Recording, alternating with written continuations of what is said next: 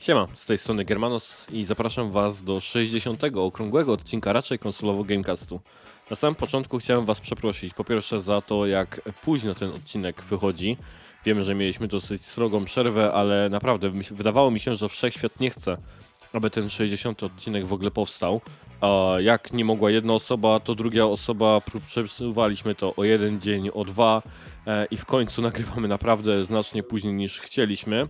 Ale ponieważ tak wszystko gdzieś jakoś się potoczyło, to na tym odcinku, choć tego nie zapowiadaliśmy, porozmawiamy sobie o God of War Ragnarok, a więc naszych wrażeniach z Bartkiem, albowiem mimo tego, że Ania chyba swoją kopię ma, to y, nie grała w najnowszy hit Sony.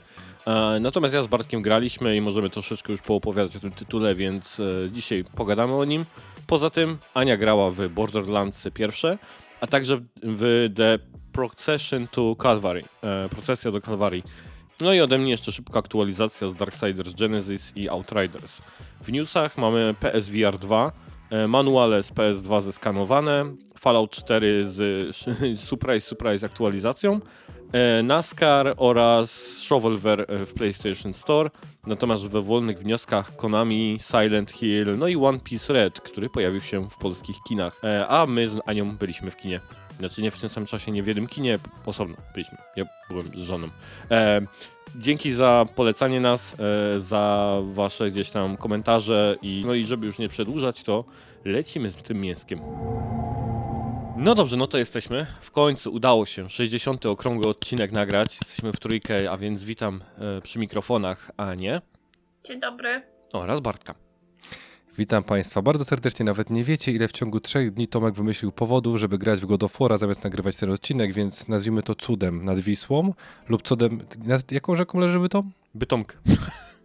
Serio? No, jest. To, tak- się nawet nie, to się nie sprzeda. Jest tu, to taki, się nie sprzeda. jest tu taki ściek, który gdzieś tam płynie, nazywa się Bytomka, więc można by to jakoś tak e, po, Cud tą. Nie, Tak, cud, cud, nad, straszne, cud nad Bytomkiem. Straszne, A, straszne to jest. I ja zacznę może od pytania. A, Ania, w sumie do ciebie. Czy ty kojarzysz, co się wydarzyło 4 listopada 2021? Nie. Bartek, Bartek podnosi rękę. No, Ktoś dołączył? tak. Ania dołączyła do naszego podcastu. To był pierwszy odcinek taki oficjalny, w którym zapowiedzieliśmy, że Ania dołącza i staje się gdzieś tam trzecim mikrofonem ekipy. to- Dokładnie. Czemu o to pytasz 12? Dokładnie, nie 4? Bo mieliśmy kurwa nagrywać tydzień temu i by pasowało. No. O bosko. Już się rok z tobą męczę? Tak, O Boże. no. Już najwyższy czas, nie? To już. A, ewakuować się, dobrze, czyli już masz kogoś na moje miejsce, I rozumiem. teraz powinien polecieć ten dźwięk, ten SFX tej kule dymu. Pfuch. Nie ma Anny. Nie, nie, nie, oczywiście, że nie. E, ale tak, już rok minął od naszego wspólnego nagrywanka, więc e, Wow, no, fajn, fajniutko, szybko to jakoś tak minęło. bardzo szybko zleciało. No, naprawdę, tak. tak. Jak ci się podobał prezent Tomka? E, Fantastyczny, mój kot na nim śpi. No, fenomenalna rzecz. Ja też byłem zaskoczony, jak mi wysłał swój pierwszy prezent. I ja na nim sypiam czasami po prostu. Nie, Janko lubi spać na tym. Jaka tajemnica, teraz ludzie będą kminić, co to może być. A w sumie, o dobrze, to będzie pytanie do ankiety na Spotify. Co może być tym y, prezentem, na którym śpi kot y, Ani i Bartek na nim też śpi. Czasami, czasami. Żeby nie było, że zawsze. Te czasami, dobrze. E, natomiast jeśli chodzi o pytanie na Spotify, to zadaliśmy pytanie po ostatnim odcinku, czy zamierza ktoś kupić DualSense e, e, pada. E, jedna, jedna osoba odpowiedziała, że bierze go na raty. To sz- szanuję bardzo. Ten od nerki z wczoraj, e, czy z jutra? Nie wiem, czy ten od nerki, natomiast na raty weźmie sobie pada, to jest super odpowiedź. E, 95% osób, e, cała reszta, e, że nie, że nikt nie kupuje, nie dziwię się e, przy, przy, przy cenie. Zadaliśmy też pytanie odnośnie e, remake'a, jaki by chcieli ludzie zobaczyć i tak, z tego co widziałem tutaj to zarówno Piechu, jak i Torpi Utur, sorry, jeśli tam zgwałciłem za bardzo nick, e, obaj opisali e, Medal of Honor, Elliot Assault, E, I to jest. Nie wiem, czy graliście w tego Medal of Honor na PC. To była ta część, gdzie było e, lądowanie e, w Normandii. I ja pamiętam to, że to razem z tatą gdzieś tam ogrywaliśmy wielokrotnie tą misję, bo to był wtedy, wtedy to był taki mocny, bym powiedział, szok ta, ta misja, jak była wykonana, szczególnie jak się oglądało gdzieś tam szeregowca Ryana, więc no też bym przyjął tego Medal of Honor, e, albo nowego, albo remake, tu gdzieś tam się zgodzę. Powiem ci, że chyba to był ostatni Metal Honor, e, który mi się w jakimś stopniu podobał. Tak, no, e, żeby nie powiedzieć, bo potem mnie Call of Duty po prostu cała seria wciągnęła Tak. do siebie, jeżeli chodzi o fabułę i postacie, a Medal of Honor stał się takim, no, nie, nawet nie wiem czym, takim wannabe Medal of Honor bym to nazwał. No, szczególnie te takie współczesne odsłony Medal of Honor były bardzo dziwne. One się chyba tam Warfighter nazywało, nie? Czy coś takiego. I A nie, to już, to, to już przez grzeczność pominąłem. No, nie, te były bardzo dziwne, pamiętam. To już naprawdę gdzieś tam dziwne. E, Krzysiek Kogut, Battlefield Trójka i człowiek o, o, o niku BFPG3N9F7AWJ7QRGWKQC SCD2Z. Em, ciekawy nick. E, chętnie z- z- Zdejmą nas z anteny, bo właśnie przekląłeś. Pewnie tak w jakimś języku klingońskim. E, Natomiast e, obaj o Battlefieldzie, żeby się przydał remake jakiegoś Battlefielda, no tak, e, nie idą te nowe Battlefieldy niestety EA, więc e, mógłby się gdzieś nam przydać nowy. Dino Crisis, Dawid e, Gatczenia. E, no tak, Dino Crisis to akurat coś, co by mogło zostać e, zremakeowane. Ja nie grałem w tego pierwszego Dino Crisis. Graliście na Play 1? Nie. Dino Znaczy ja, ja wiem tylko, że jest jeden Dino Crisis i ostatni, który grałem, więc tak jakby Trzy są wiesz. chyba Trzy, no. części, Trzy części, no. Więc tego No jest. to mówię, ja No, jest, tego, przegapiłem jest, dwójkę jest tego troszkę, jeśli chodzi o. Dino Crisis, ale tak, jedynka. y, Ja nie grałem e, w, w tą serię, więc y, remake chętnie bym przyjął. Oczywiście w takiej formie, jak to robi teraz Resident Evil, to bardzo. Oczywiście Cezar opisał, że Destiny, ponieważ ta gra zasługuje na wieczne uwielbienie. E, To nic dziwnego. Ale podoba, Przynajmniej wiem skąd jest to pytanie. Podoba mi się e, komentarz od Pająka, e, który napisał: Posiadając już PS5, kupiłem Xboxa Series X i Game Pass to gówno z indykami, Scorn to gówniana gra, pad z PS5 miażdży ten z Xa, a że Scorn to gówno, więc zachciało mi się remake'u Painkillera na Unreal Engine 5. To jest bardzo fajny taki. Chyba wiesz, o czym zapomniał wspomnieć? No? To Tomasz, skoro to to Tomasz Nie, to nie, to- to, to To nie jest Tomasz mój. napisał tego Nie, posta na nie. pewno. Pod innym nikiem. No. Ja już wszystko wiem, Tomasz, to przestań. No. Nie, to naprawdę Twoje nie, hejterskie, twoje hejterskie to naprawdę nie byłem ja. Jasne. Przyrzekam, Jak się z tym czujesz, powiedz mi? przyrzekam. Że jesteś influencerem i właśnie spaczyłeś jedną osobę we wszechświecie.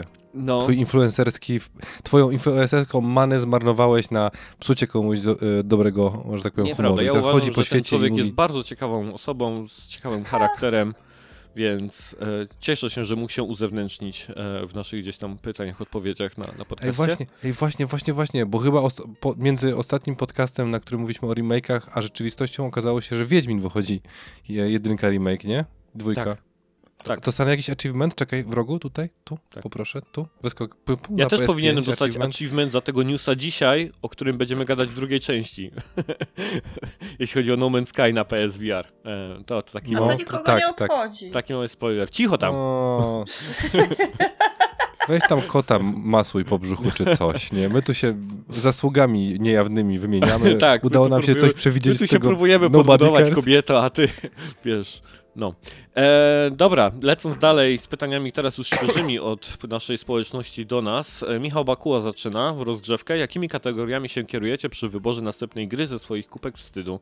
I tutaj Ania, jakie masz? Jakieś takie ten? Ke- najgorzej. No. Wy- Wybrałeś po prostu, żebym ja zaczynała. E, Tu wychodzi po raz kolejny jakieś moje dziwne zaburzenie, bo ja też mam właśnie z grabi problem, w co mam grać następne i kieruję się e, Trophy Advisorem, czyli Mhm. najbliższą możliwą trofką, jaką jestem w stanie wbić w grze, którą mam zarejestrowaną. Nice. A I korzystasz ją z tego? odpalam, i ją odpalam jako następną po prostu. Kojarzy- a korzystasz z PSN Profiles do tego? Te- no tak, mam.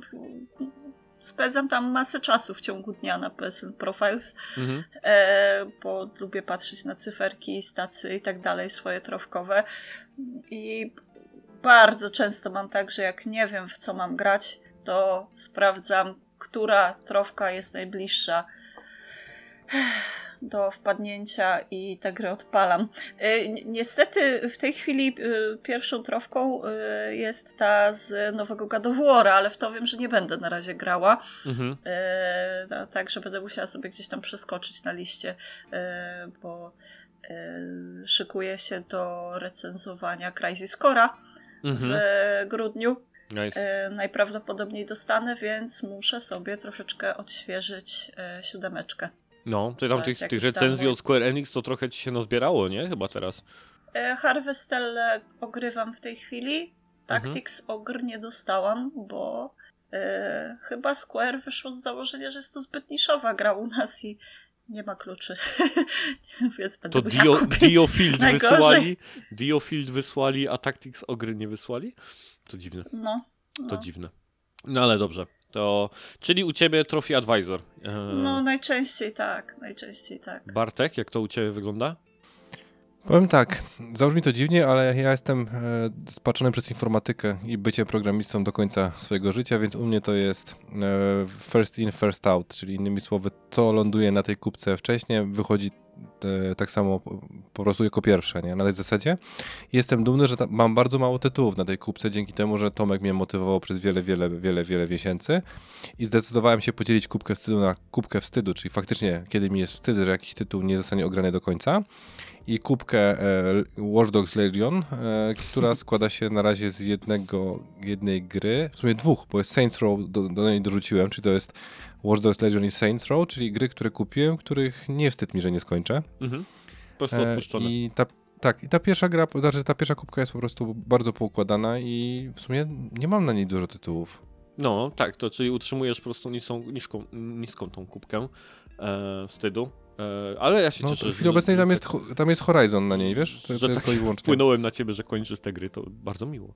E, No mnie słyszysz? przy Valhalla mnie wkurzałeś tak bardzo, że w końcu już się wkurzyłem sam i przeszedłem Valhalla, nie? No, dokładnie o to mi gdzieś tam chodziło, żeby się wkurzyć.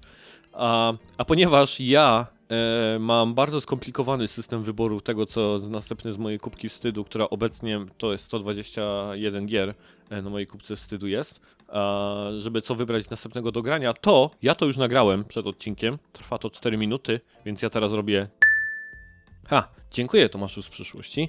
E, więc tak, drogi Michale, zanim zacznę opowiadać o tym, to tak, w pierwszej kolejności chcę powiedzieć o tym, że jeżeli wejdziecie na blog raczej konsolowo w sekcję o blogu, to pod zdjęciami mojego tam pokoju z grami jest link do, e, do listy gier, którą posiadam. E, albo wejdziecie na www.raczejkonsolowo.com łamane przez Germanus myślnik backlog e, pod takim adresem to znajdziecie tam takie jakby trzy tabelki. Pierwsza tabelka to jest backlog, czyli to są gry, które mam w pudełkach kupione i niektóre w foliach nawet, które czekają po prostu na ogranie, tak? E, Mam je na półce, nie muszę ich kupować, czekają na ogranie.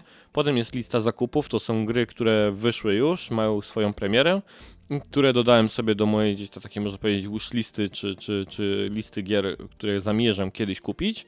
No i trzecia tabelka to jest pełna lista, to są wszystkie moje gry i DLC, jakie, ja, jakie mam na płytach. E, DLC, bo na przykład mam Borderlandsy, tak, na płycie są wszystkie DLC-ki, więc je tutaj też znajdziecie na tej pełnej liście. I teraz tak, jak wybieram kolejne gry do ogrania? Mam kilka reguł, natomiast najważniejszą jest to, że ja mam sobie taki wewnętrzny taki jakby system punktowy, który polega na dodawaniu punktów do gier na podstawie tego, jak długo zajmuje ich przejście. I tak, jeżeli jakaś gra jest do ogrania od y, jednej godziny tam do 9, to dostaje jeden punkcik, od 10 do 19 dwa punkciki i tak dalej, aż do 4 punktów. I taką regułę sobie nałożyłem sam na siebie po to, żeby nie mieć rozpoczęte, tak jakby napoczęte więcej niż 7 punktów. Tak, 7 punktów, nie? Czyli wyobraźcie sobie to tak, że mogę mieć rozpoczętego na przykład jednego jakiegoś dużego RPGa, który kosztuje 4 punkty, no to potem nie mogę już odpalić drugiego jakiegoś długie, długiego RPGa, tylko muszę jakieś tam inne krótsze e, gry sobie z mojego backlogu wybrać do ogrania. To robiłem sobie po to, żeby nie mieć rozgrzebanych bardzo dużych tytułów kilka naraz, bo potem trudno się do nich wraca. E, W jednego się wsiąknie, potem trudno wrócić do drugiego e, i tak dalej, więc żeby nie mieć napoczętych bardzo dużo dużych tytułów, to sobie taki narzuciłem gdzieś tam taki punktowy, tak jakby gdzieś tam ten system. E, To mi też pozwala, że jak na koniec roku, jak będę sobie podsumowywał, to jak sobie podliczę te punkty, to wiem ile dużych gier przeszedłem, ile małych gier ukończyłem i tak dalej, więc jest to taka dodatkowa metryka ciekawa. Ja w ogóle jestem freakiem Excelowym, więc e, stąd e, tak to u mnie gdzieś tam funkcjonuje. I kolejną taką zasadą, którą sobie jakby wprowadzam na to, jeśli chodzi o wybór gier do grania, to jest to, że staram się nie mieć rozpoczętych dwóch bardzo podobnych gier do siebie. Czyli jak gram na przykład w jednego shootera, to nie staram się nie odpalać e, kolejnego, albo jak mam jednego RPG odpalonego, to innego. E, Jeżeli na przykład gram teraz w w Gowa, tak, no, w God of War'a, no to nie odpalę sobie na przykład, nie wiem, Niocha, tak, co, to nie są takie same gry, ale po prostu myliłby mi się kombat e, i, i walka między tymi tytułami, więc sobie na przykład nie odpuszczam i podobnych gier nie będę ogrywał, nie? Więc to jest taka druga zasada, nie? Ale najważniejsze to są te punkty, które sobie nakładam. Punkty zależą od tego, co How Long to Beat mówi o, o, o tytule. E, no i staram się mieć 7 tak jakby punktów rozpo, rozpoczętych, napoczętych e, i nie więcej i tego jakby gdzieś tam nie przekraczać. No, to tyle. To teraz e, powrót do ciebie, Tomku. A, y, Cezar jeszcze pyta ciebie dokładnie, Bartek, to do ciebie skierowanie pytanie. Jakbyś widział trzecią część Destiny, co byś wyrzucił, co dodał, co ulepszył, a co zmienił względem drugiej części? Powiem szczerze. Mm, rzecz- znaczy po pierwsze, y, Tomka, w sensie ciebie, bo to, de, jeżeli chodzi o determinizm, czy grać w Destiny 2, czy nie, to jesteś ty, bo ty mnie do tego zaciągnąłeś i bardzo mi się fajnie z tobą spędzało czas. Natomiast to, co dla nas obu było problemem i co tak de facto nas wyautowało, to jest to, że jest zbyt dużo akcji, e, które są czasochłonne, wymagające e, inwestowania, z których kompletnie nic nie ma. W sensie gówno jest. Jak masz szczęście, to wypadnie może coś gównianego, a jak nie, to ten. Po, co bym dalej zmienił? E, jakiekolwiek systemy pasowania, czyli ten Season Pass i tak dalej, w taki sposób, żeby faktycznie, jeżeli ktoś kupuje Season Passa, żeby e, grać, miały one sens. Bo ja mam czasami wrażenie, że e, ktoś pójdzie po farmi e, i wy, wypadną mu lepsze godrole, ogólnie wypadną mu godrole, nie? Od tego zacznijmy. A ty dostajesz coś takiego, co nawet by pies e, nie obsikał, bo mu wstyd po prostu, że taka konfiguracja jest broni. Mm, po co dalej? Ogólnie rzecz biorąc, e, nie zmieniałbym story, bo historia jest, lore jest fenomenalny. Mm, Mhm. Mi się strasznie podobał i wsiąkało, ale problem jest taki, że ja rok już nie gram, od chyba stycznia zeszłego roku, to już będzie półtora roku chyba już nie gramy nawet w Destiny 2.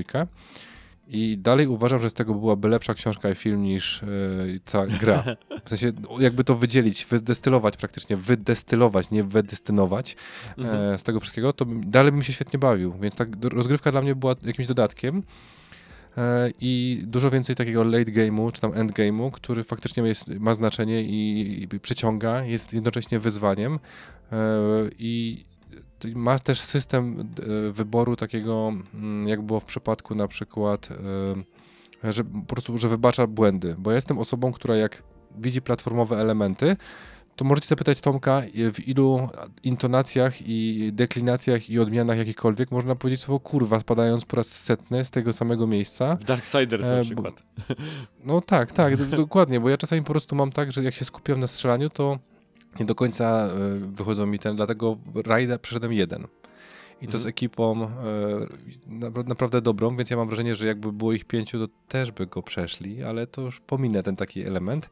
Mhm. E, No i właśnie to i jeden kolejny, chyba- kolejny, przepraszam, element to jest to, żebym słuchał community e, na miejscu ludzi z Bungie, bo mam czasami wrażenie, że ludzie im mówią, co faktycznie zrobią źle, a oni tak robią swoje i wychodzi z tego taka śmieszna kupa, bo nadal, nie- niezależnie od tego, co mogę złego powiedzieć Destiny 2, to ja się z tobą świetnie bawiłem. E, Naprawdę fajnie się spędzało wieczory, ale przez pierwsze dwa tygodnie, może tak, A półtora potem już tygodnia. ten to grind był potem ta- taki, tak, taki męczący, że ta już... powtarzalność, nie, już to, się nie to już, ja, ja pamiętam, że siostrze kiedyś wpisywałem hasło w Simsach, e, żeby jej zrobić odpowiednią kasę fortuny, chociaż nie grałem w Simsy, bo tam się- na kodach, żeby miała. I to dokładnie miało dla mnie to samo znaczenie, czyli zrobiłem swoje, poszedłem do domu i nie miałem jakiejkolwiek satysfakcji, a jednak gry MMO i gry ogólnie e, same sobie mają pozostawić we mnie satysfakcję. Więc to jest Mhm. kierunek, w którym ja bym poszedł i to jest kierunek, w którym, e, znaczy ja z miłą chęcią bym wrócił, bo dla mnie to wszystko miało sens. Tylko mówię, do pewnego momentu, jak miałem zbudowanego builda, miałem zrobione wszystkie fabularne elementy, dorzuciłem sobie te, e, te frostowe elementy takie e, do swojego rozwoju, dlatego że ja się naj- najlepiej się bawiłem wtedy, kiedy mój e, Guardian, mój tank miał, czy tam Tytan w tym wypadku, miał już wszystkie takie elementy frostowe, zdobyłem tą strzelbę tego shootera, którego to, to była fenomenalna misja. My się świetnie przy tym bawiliśmy, bo kompletnie nie pasowało do Destiny. tak przynajmniej Tak, tak, wrażenie, jak taka z tobą rozmawiałem. horrorowa tam w tym kosmosie e, faktycznie gdzieś tam Tak, ale to, to jest ale ten, Bungie nie pójdzie klimat, w tym nie? kierunku, nie? Wiesz, no to No, ma ale być bardziej serwis, nie może ma- pójść w tym kierunku, bo wiesz, to roboty zżera zrobienie e, co trzy miesiące czegoś takiego? Przecież No, nikt tak, nie tak, chce. tak. To, to, to jest odcięcie się na poziomie good enough i tak wiemy, że ludzie będą to wszystko farmić i też, wiesz, ludzie nie chcą e, żyć w przeświadczeniu takim, jak, jak w przypadku Diablo Immortal czy innych, czyli że pay to win, że jak sobie zapłacą, dostaną lepsze role, nie? No jednak chcemy żyć w złudzeniu, że niezależnie od tego kto, to jednak mamy tego Dawida, który może przypieprzyć Goliatowi lub Goliata, który może przy, przy, przypieprzyć Dawidowi w zależności od tego, kto pisał tę książkę. E, I że każdy może dostać to po pewnym czasie, więc wiesz, ta, ten randomowość, która w Destiny dla mnie była dość irytująca, pomimo, że płaciło się to chyba 80 czy 100 zł za sezon, teraz nie pamiętam, czy nawet nie mniej, e, żeby nie, głupio nie strzelać, plus dodatki, to jednak, wiesz, daje to przeświadczenie sensowności inwestycji, nie? że i mamy wiele dróg i one mają sens, więc oni z tego nie zrezygnują, bo inaczej strony, z tej strony po prostu spolaryzują bardziej community, które będzie nastawione na coś innego, bo on se ponarzeka, powie, że do dupy go drole, za 3 miesiące patrzymy, a on dalej kupuje Season Passa i lecimy dalej, nie? No. Ania, ty też grałaś w Destiny. Eee, coś byś Ale- zmieniła w dostępnej części, w trójce? Nie, ja miałeś? nie jestem aż, takim, aż taką fanką mocną. Nie mam specjalnych uwag. Mogłoby zostać tak, jak jest. Y, może. y, hmm, Ostatnio, jak próbowałam do tego wrócić, to miałam niesamowity problem, bo nie wiedziałam, od którego dodatku zacząć, i, i ponoć to jest bardzo proste. Wystarczyło wejść tylko w jakąś tam zakładkę i by mnie ładnie pokierowało, ale ta mapa jest dla mnie y, z perspektywy takiego, takiej dłuższej nieobecności, jest dla mnie bardzo nieczytelna. Czyli taki onboarding po dłuższej przerwie, nie? Żeby był łatwiejszy. I, No. I bardzo trudno było mi się w tym odnaleźć i może też z tego powodu spędziłam w tej grze, nie wiem, z dwie godziny i stwierdziłam, że chyba, chyba nie ogarnę tego i poszła na Mhm. uninstall, nie? Więc może takiej... No tak, ja się z tym jak najbardziej zgadzam, bo ja nawet też myślałem o tym faktycznie gdzieś tam powrotach parę razy, tylko ja za każdym razem mam taką blokadę, że po prostu to już tak odjechało daleko, że, że nie chce mi się inwestować, żeby po prostu gdzieś tam nadrabiać tego, tego, tego wszystkiego, więc, więc generalnie No i odpuszczam. też przez to, że miałam tę dużą przerwę, nie zrobiłam wszystkich questów i nie wiem, czy to już jest, czy to jest jeszcze spoiler, czy nie, ale te wszystkie wydarzenia związane y, ze śmiercią Cade'a mnie ominęły i nie mogę ich sobie rozegrać, tak? Bo one już w tym uniwersum były Aha, no i faktycznie. są zapakowane do skarbca i nie mogę do nich wrócić. I zostałam wrzucona w jakiś tam segment fabularny, w którym totalnie nie wiem, co się dzieje, co się stało i tak dalej. I nie mogę sobie rozegrać wydarzeń wstecz. No, Ja ci Jest mogę zrobić onboarding, jaki zrobił mi Tomek. Kate To się nie nazywało- żyje, wiem. Nie, nie, nie, nie, gorzej, dał mi link. Powiedział mi, tutaj sobie pooglądaj, nie? Po chyba A, 7 tak, godzinach tego, do, do. Bajfa mu wysłałem e, tam ten, ten 10-godzinny materiał z, Okej. z lorem Destiny od, od, od początku gdzieś tam. Od, od e, jedynki, tak, przez wszystkie i, i dzięki temu, wiesz, ja, ja, jak ja dołączałem, to nie jest żart akurat, ja byłem mega zagubiony, jeżeli chodzi o ten system, bo go kompletnie nie rozumiałem. 10 godzin filmów, e, chyba 3 godziny oglądania, jak budować to wszystko, z czego to wynika e, i tak dalej. Ja byłem w No stanie... i Bartek potem był lore ekspertem. Jak graliśmy, to Bartek mi tłumaczył rzeczy. Ale ja, ja, byłem, ja wiedziałem, jak to się konstruuje, po co jest co, ale strzelać dalej nie potrafiłem, nie? żeby nie było, bo po prostu nadrabiałem e, dziurę, e, dziurę fabularną i dzięki temu po prostu jak już e, nadal uważam, że najlepszym eventem, jakie są, to są eventy świąteczne, nie? te ciasteczkowe i tak dalej, bo to, to jest wypiekanie, to było dla mnie po prostu fan kompletny, nie? Mhm. Dobrze, no więc e, ja podobnie gdzieś tam do Was te, te, te moje zmiany, więc nie będę się gdzieś tam powtarzał e, z, z, z moimi jakimiś gdzieś tam życzeniami, ale gdzieś i zarówno z tą Bartek, jak i z Ania, z tą gdzieś tam się zgadzam. E, oba po, powody i, i zmiany bardzo pożyteczne były. I teraz tak, przechodzimy sobie do mięska i do gierek, które ogrywaliśmy. O, I myślę, że zaczniemy od tych Borderlandsów, Ania. Ty ogrywasz Borderlands 1, gra, która jest generalnie dla mnie mega ważna, bo ja e, uwielbiam Borderlands e, pierwsze. To jest jedna z takich, bym powiedział, wiesz, takim indywidualnym top 10 ever, wszechczasów i tak dalej, to ona tam jest, e, ta pierwsza Mhm. gdzieś tam odsłona.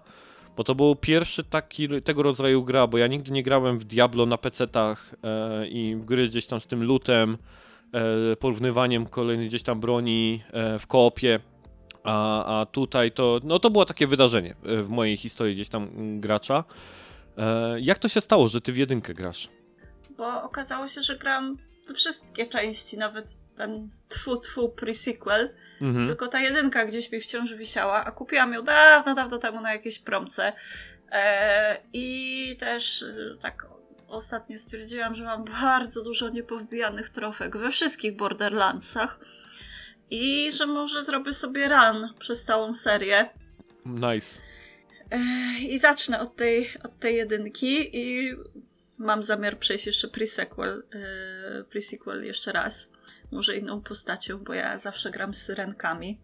W trójce tylko. W trójce grałam tylko flaczkiem. Mhm. E, nie wiem, Bartek, chcesz grać w Borderlandsy?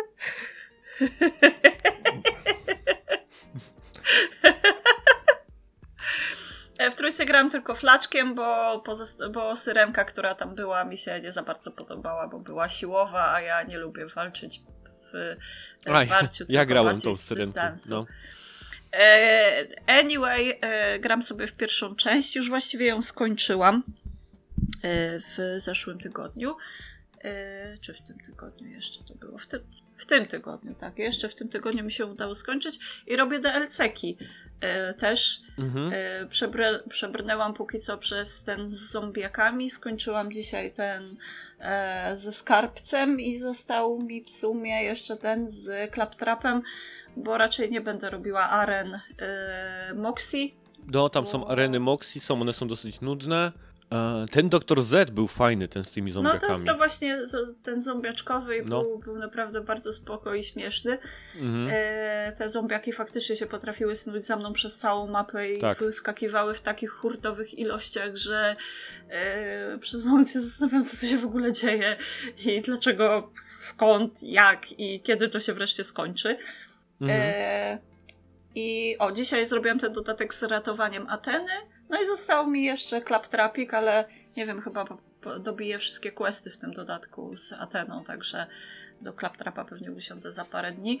E, I e, gdzieś tam zmierzając do sedna, mm, ja zaczynałam swoją przygodę z Borderlandsami od części drugiej. Ona mnie wtedy Okej. urzekła tym, że jest taka bardzo kolorowa, dużo się dzieje, jest Mhm. śmiesznie i tak dalej, i tak dalej. I powiem wam szczerze, że jak e, odpaliłam tę jedynkę, to się cały czas frustrowałam tym, czemu to jest takie bure tak i jest. brzydkie. No. I że nie widać przeciwników na tle, bo tam jest wszystko bure. Tak, i ciała tych psycholi też są przecież takie same. Masz rację, no. Lo- lokacje, przeciwnicy, e, nie wiem, elementy gdzieś Skagi, tam, nie? jak Te, masz coś tam się- znaleźć. No, Wszystko jest po prostu w takich paskudnych kolorach, tak. że y, gdzieś tam jak biegnie na przykład midget jakiś na mnie, czy to się mówi przeciwnik niskorosły w tej chwili, ja nie wiem. Tak, ale Ja- zachowałaś poprawność, tak, podobało Ja mi nie się. wiem. Przeciwnik Niskorosły. niskorosły. O matko. Oh damn. Uch, dobrze. Zapamiętam sobie tego przeciwnika niskorosłego. To przecież Bartek się załamał. Bartek widzi te pozwy, jakie w nas lecą. Nie, ja mogę zażartować inaczej. Nie wiem, czy wiecie, ale z mojego punktu widzenia, czyli człowieka, który ma 196 cm, to sporo jest przeciwników niskorosłych. Przepraszam pana niskorosłego, czy mógłby się pan... Tak Bartek będzie mówił do ludzi. No ich nie widać, tych to Tak. już w ogóle nie widać, jak gdzieś tam biegną, kosają cię po kostkach i w ogóle... Ale oni Nie krzyczą wiesz, przynajmniej.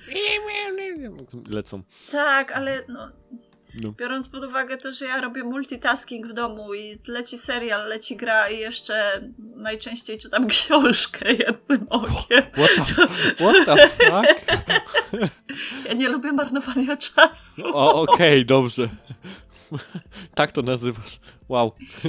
Ja po prostu muszę mieć permanentnie naspidowany mózg, bo Mhm. inaczej się nie jestem w stanie. Ja nie jestem w stanie się skupić na jednej rzeczy. Muszę mieć kilka jednocześnie, żeby w miarę jakoś tak działać i funkcjonować. No, ciekawe.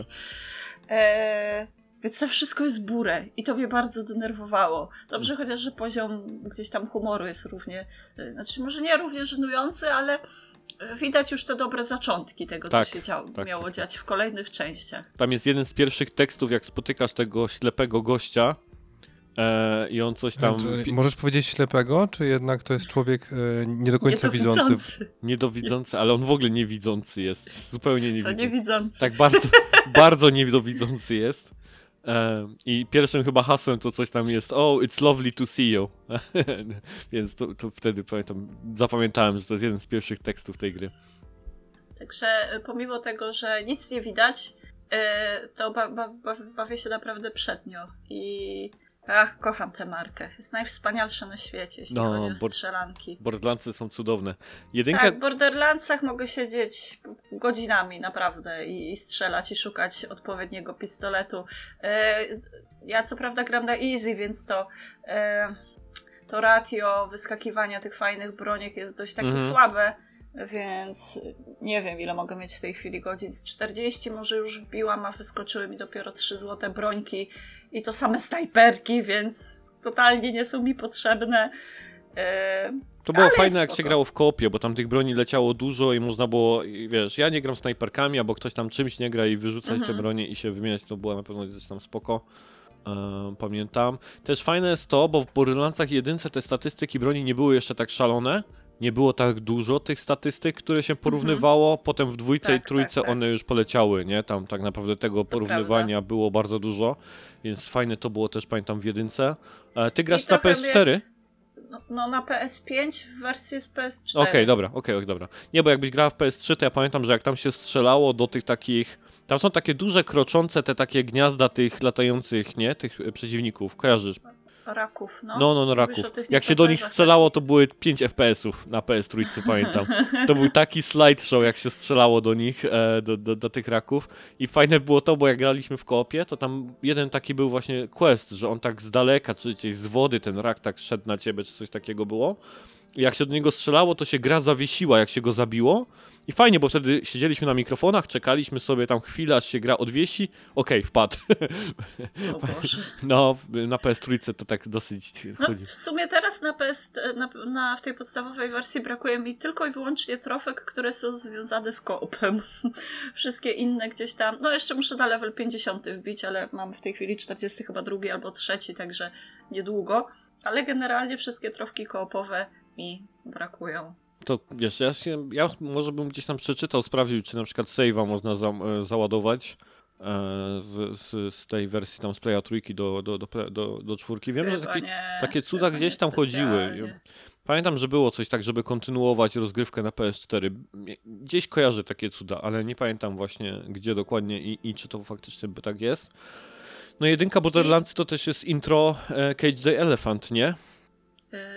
Jako mu... O muzyczce początkowej? Mhm, Tak, tak, tak, tak. Te, te, też ten kawałek jest bardzo spoko. Dokładnie. Yy, I co jeszcze chciałam powiedzieć? Denerwuje mnie to, że w DLC-kach jest tylko jeden punkt teleportacyjny na całą instancję. Mhm. I trzeba biegać po prostu yy, z miejsca na miejsce. I ten dodatek właśnie z Ateną, gdzie się podróżuje samochodem, przejeżdżanie przez te wszystkie miejscówki, co chwilę jakieś blokady, jakieś mini walki z przeciwnikami. Te drony latające. No tak, tak, to brakuje mi troszeczkę więcej tych teleportów, tej, tej szybkiej podróży. Yy, kiedyś człowiek tego nie potrzebował, a teraz się rozleniwił, wszędzie by chciał szybko, od razu, Fast travel. już no. zaraz, no. No. Ale Fajnie, że wziąłeś ten, e, ten tytuł na odcinek, bo sobie poprzypominałem, bo naprawdę gdzieś uwielbiam tą gierkę. Bartek, czy ty w ogóle w te Borderlandsy pierwsze grałeś coś? Znaczy ja przyszedłem jedynkę, prequel, dwójkę, trójkę i o ile się nie mylę, chyba mi się skończyły tytuły, e, bo jeszcze grałem w Terra Tales. E, w mm, Tales from the Borderlandsy. Borderlands. E, no tak, jeszcze tak. Tiny Tina jest teraz. No nie? właśnie, Tiny Tina, nie? Teraz jest ten Wonderland, Nie, nie? nie, Tiny Tina ogrywałem tylko jako dodatek do dwójki, z Dodatek. tego co kojarzę chyba. To, tak, tak, był. z tym takim RPG-owym e, Mhm. Tak, tak, vibem. tak. No. I No. wiedząc, bo ja kupiłem sobie gotyk, jeżeli chodzi o wersję Borderlandsów dwójki, po tym jak miałem wcześniej na PC, na PS3 w- sobie kupiłem i stwierdziłem, że wiedząc co oni odpieprzają z DLC-kami, moje życie nie jest warte tego, żeby zrobić to samo w trójce. Więc w trójkę zagrałem tylko w vanillę, e, bez jakichkolwiek dodatków. No I, to, ja i, Ja i planuję- słuchałem Tomka, jak ja- mówił mi o jednym dodatku. Mhm. Ja planuję kupić dodatki do trójki, czekam na promkę na, na play, play, y, play, PlayStation Store, bo w tej chwili już te wszystkie dodatki można no za 150 zł kupić. Te wszystkie, wszystkie już do Mhm. trójki. No bo wydali Tiny Tina, no to przynieśli się, że tak powiem, z y, ciągnięciem kasy na Tiny Tina. Już wszystko, co na Borderlandsy trzecie mogli wydać, to wydali. E, więc mogę kupić tego Season Passa i będę miała wszystko. E, I cóż, e, te nowe Tales from Borderlands te są całkiem spoko. Aha, ale- tak, bo ty ograłaś też te nowe, nie? Te... Tak, tak, tak, ale to tam takie y, Nie pamiętam jaką ocenę wystawiam, szóstkę albo siódemkę. Takie bardziej do poczekania na promkę. Mhm. Czyli nie urywa, jeśli chodzi ten o... E, Generalnie historia jest na samym początku bardzo fajna, tylko ona w trzecim mniej więcej epizodzie zaczyna mocno zwalniać, tak wytracać tempo i, e, i no nie do końca mi już siadła ta, ta, ta, Mhm. ta końcówka. Natomiast e, żarciki z Metal Gear Solid albo nawiązania do Widziałem. głupotek robionych przez Kanye Westa szanuję bardzo i, i, i się No. śmie, śmieszkowałam mocno z tej gry, bo poziom humoru, żarty są naprawdę, naprawdę fajne. No. Ja się też tak zastanawiam, co z filmem, nie? Pamiętacie o tym, że Gearbox się chwalił bardzo długo, że film Borderlands wychodzi i tam nawet mieli grać nie, nieźli aktorzy, nie? E, tam miał te... nie, pam- nie pamiętam. No, ja, Ja, pamiętam, ja że to nawet było, dalej jako żart. tam, po, nawet było chyba The Game Awards, czy jakiś pokaz był, na którym oni w ogóle tam, Randy chodził po, Myśmy- po, po, po tym, po planu filmowym i gadał z ludźmi mi randomowymi. Przy o czepie tym byli, filmie. tak. Myśmy to oglądali wspólnie, Tomek. I to Oglądaliśmy to, się, nie, że- Bartek? Tak, wydaje mi się, że to było razem chyba na tym mm, dzi- dziwnym pokazie, gdzie większość była bez sensu. Tak, jakiś to był mega dziwny Summer Games. Chyba Summer Game Fest to był od tego Kiliego i tam Randy Pitchford chodził gdzieś tam po planie i gadał z ludźmi o, o filmie Borderlands. E, pamiętam. I w sumie ucichło, nic o tym filmie nie wiadomo, więc ciekaw jestem, Mhm. co tam też z tego filmu się jakby gdzieś tam dzieje. Ania, czy coś jeszcze do tych Borderlandsów, czy lecimy dalej? Nie, to wszystko. Super. To wszystko. Nie, więc bardzo Ci dziękuję, że wziąłeś ten odcinek, bo faktycznie fajnie było sobie wspominać. Natomiast tak, e, zgodnie z tym, co już w intro gdzieś zapowiedziałem, z tego powodu, że nagrywamy odcinek później niż to sobie zaplanowaliśmy, to wrzuciliśmy do agendy God of e, z tego względu, że zarówno ja gram, jak i Bartek. E, ja mam Bartek nagrane teraz chyba 12 godzin. 12 albo 11 godzin mam gameplayu. Ty masz 11? To jesteśmy gdzieś na podobnym e, etapie, wydaje mi się, powinny gdzieś, gdzieś tam być mniej więcej. Wiem, Ania, że ty czekasz sobie na później, żeby gdzieś tam go ogrywać, więc... Tak, ja mam, ja y, No. zainstalowałam sobie pierwszą część i będę robiła rerun jedynki. A, okej, bo- przecież... Mhm. E, tak, bo ja jedynkę przeszłam dawno, dawno temu i mi, ona mi nie za bardzo siadła. Nie jestem Czekaj, doprecyzujmy, fanką. której jedynki jedynki? No tej Po 2.18, reworku. po 2.16 reworku. czy 2.18, kiedy był ten, ten... I, No. I chciałam zrobić platynę i już zaczęłam ten drugi run jakiś czas temu, ale oczywiście coś mnie z tego wybiło. Były inne gry, odinstalowałam i teraz stwierdziłam, że to będzie dobry, dobry powód, żeby wrócić, ograć sobie jedynkę i może płynnie wejść w dwójkę. Mm, czyli Walkyrie Tak, cię czekają. To, to, to, to powodzenia z. Walkyriami. No. No więc my, my gramy w Ragnaroka. E, oczywiście będziemy gdzieś tam stronić od spoilerów, jeśli gdzieś tam fabularnych, ile się da. E, bo jednak gra jest mocno gdzieś tam fabularna. No ale tak, ja gram już te 11-12 godzin i chyba takim zdaniem, które mógłbym powiedzieć na sam start o tym, to jest to, że e, Bartek już gdzieś na, do tego napomknął, ale trudno mi się oderwać od tego tytułu.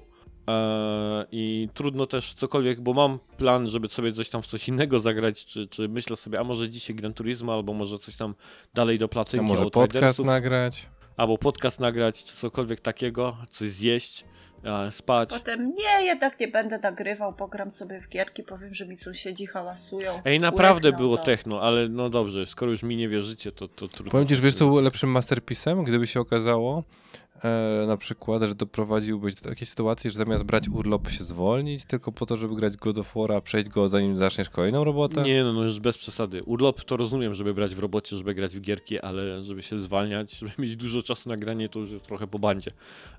To by, też, kolejny Ace Combat by musiał wyjść, żeby się tak wydarzyło. Natomiast, wracając do, e, do Ragnaroka, to ja jestem absolutnie gdzieś wsiąknięty e, w tą grę.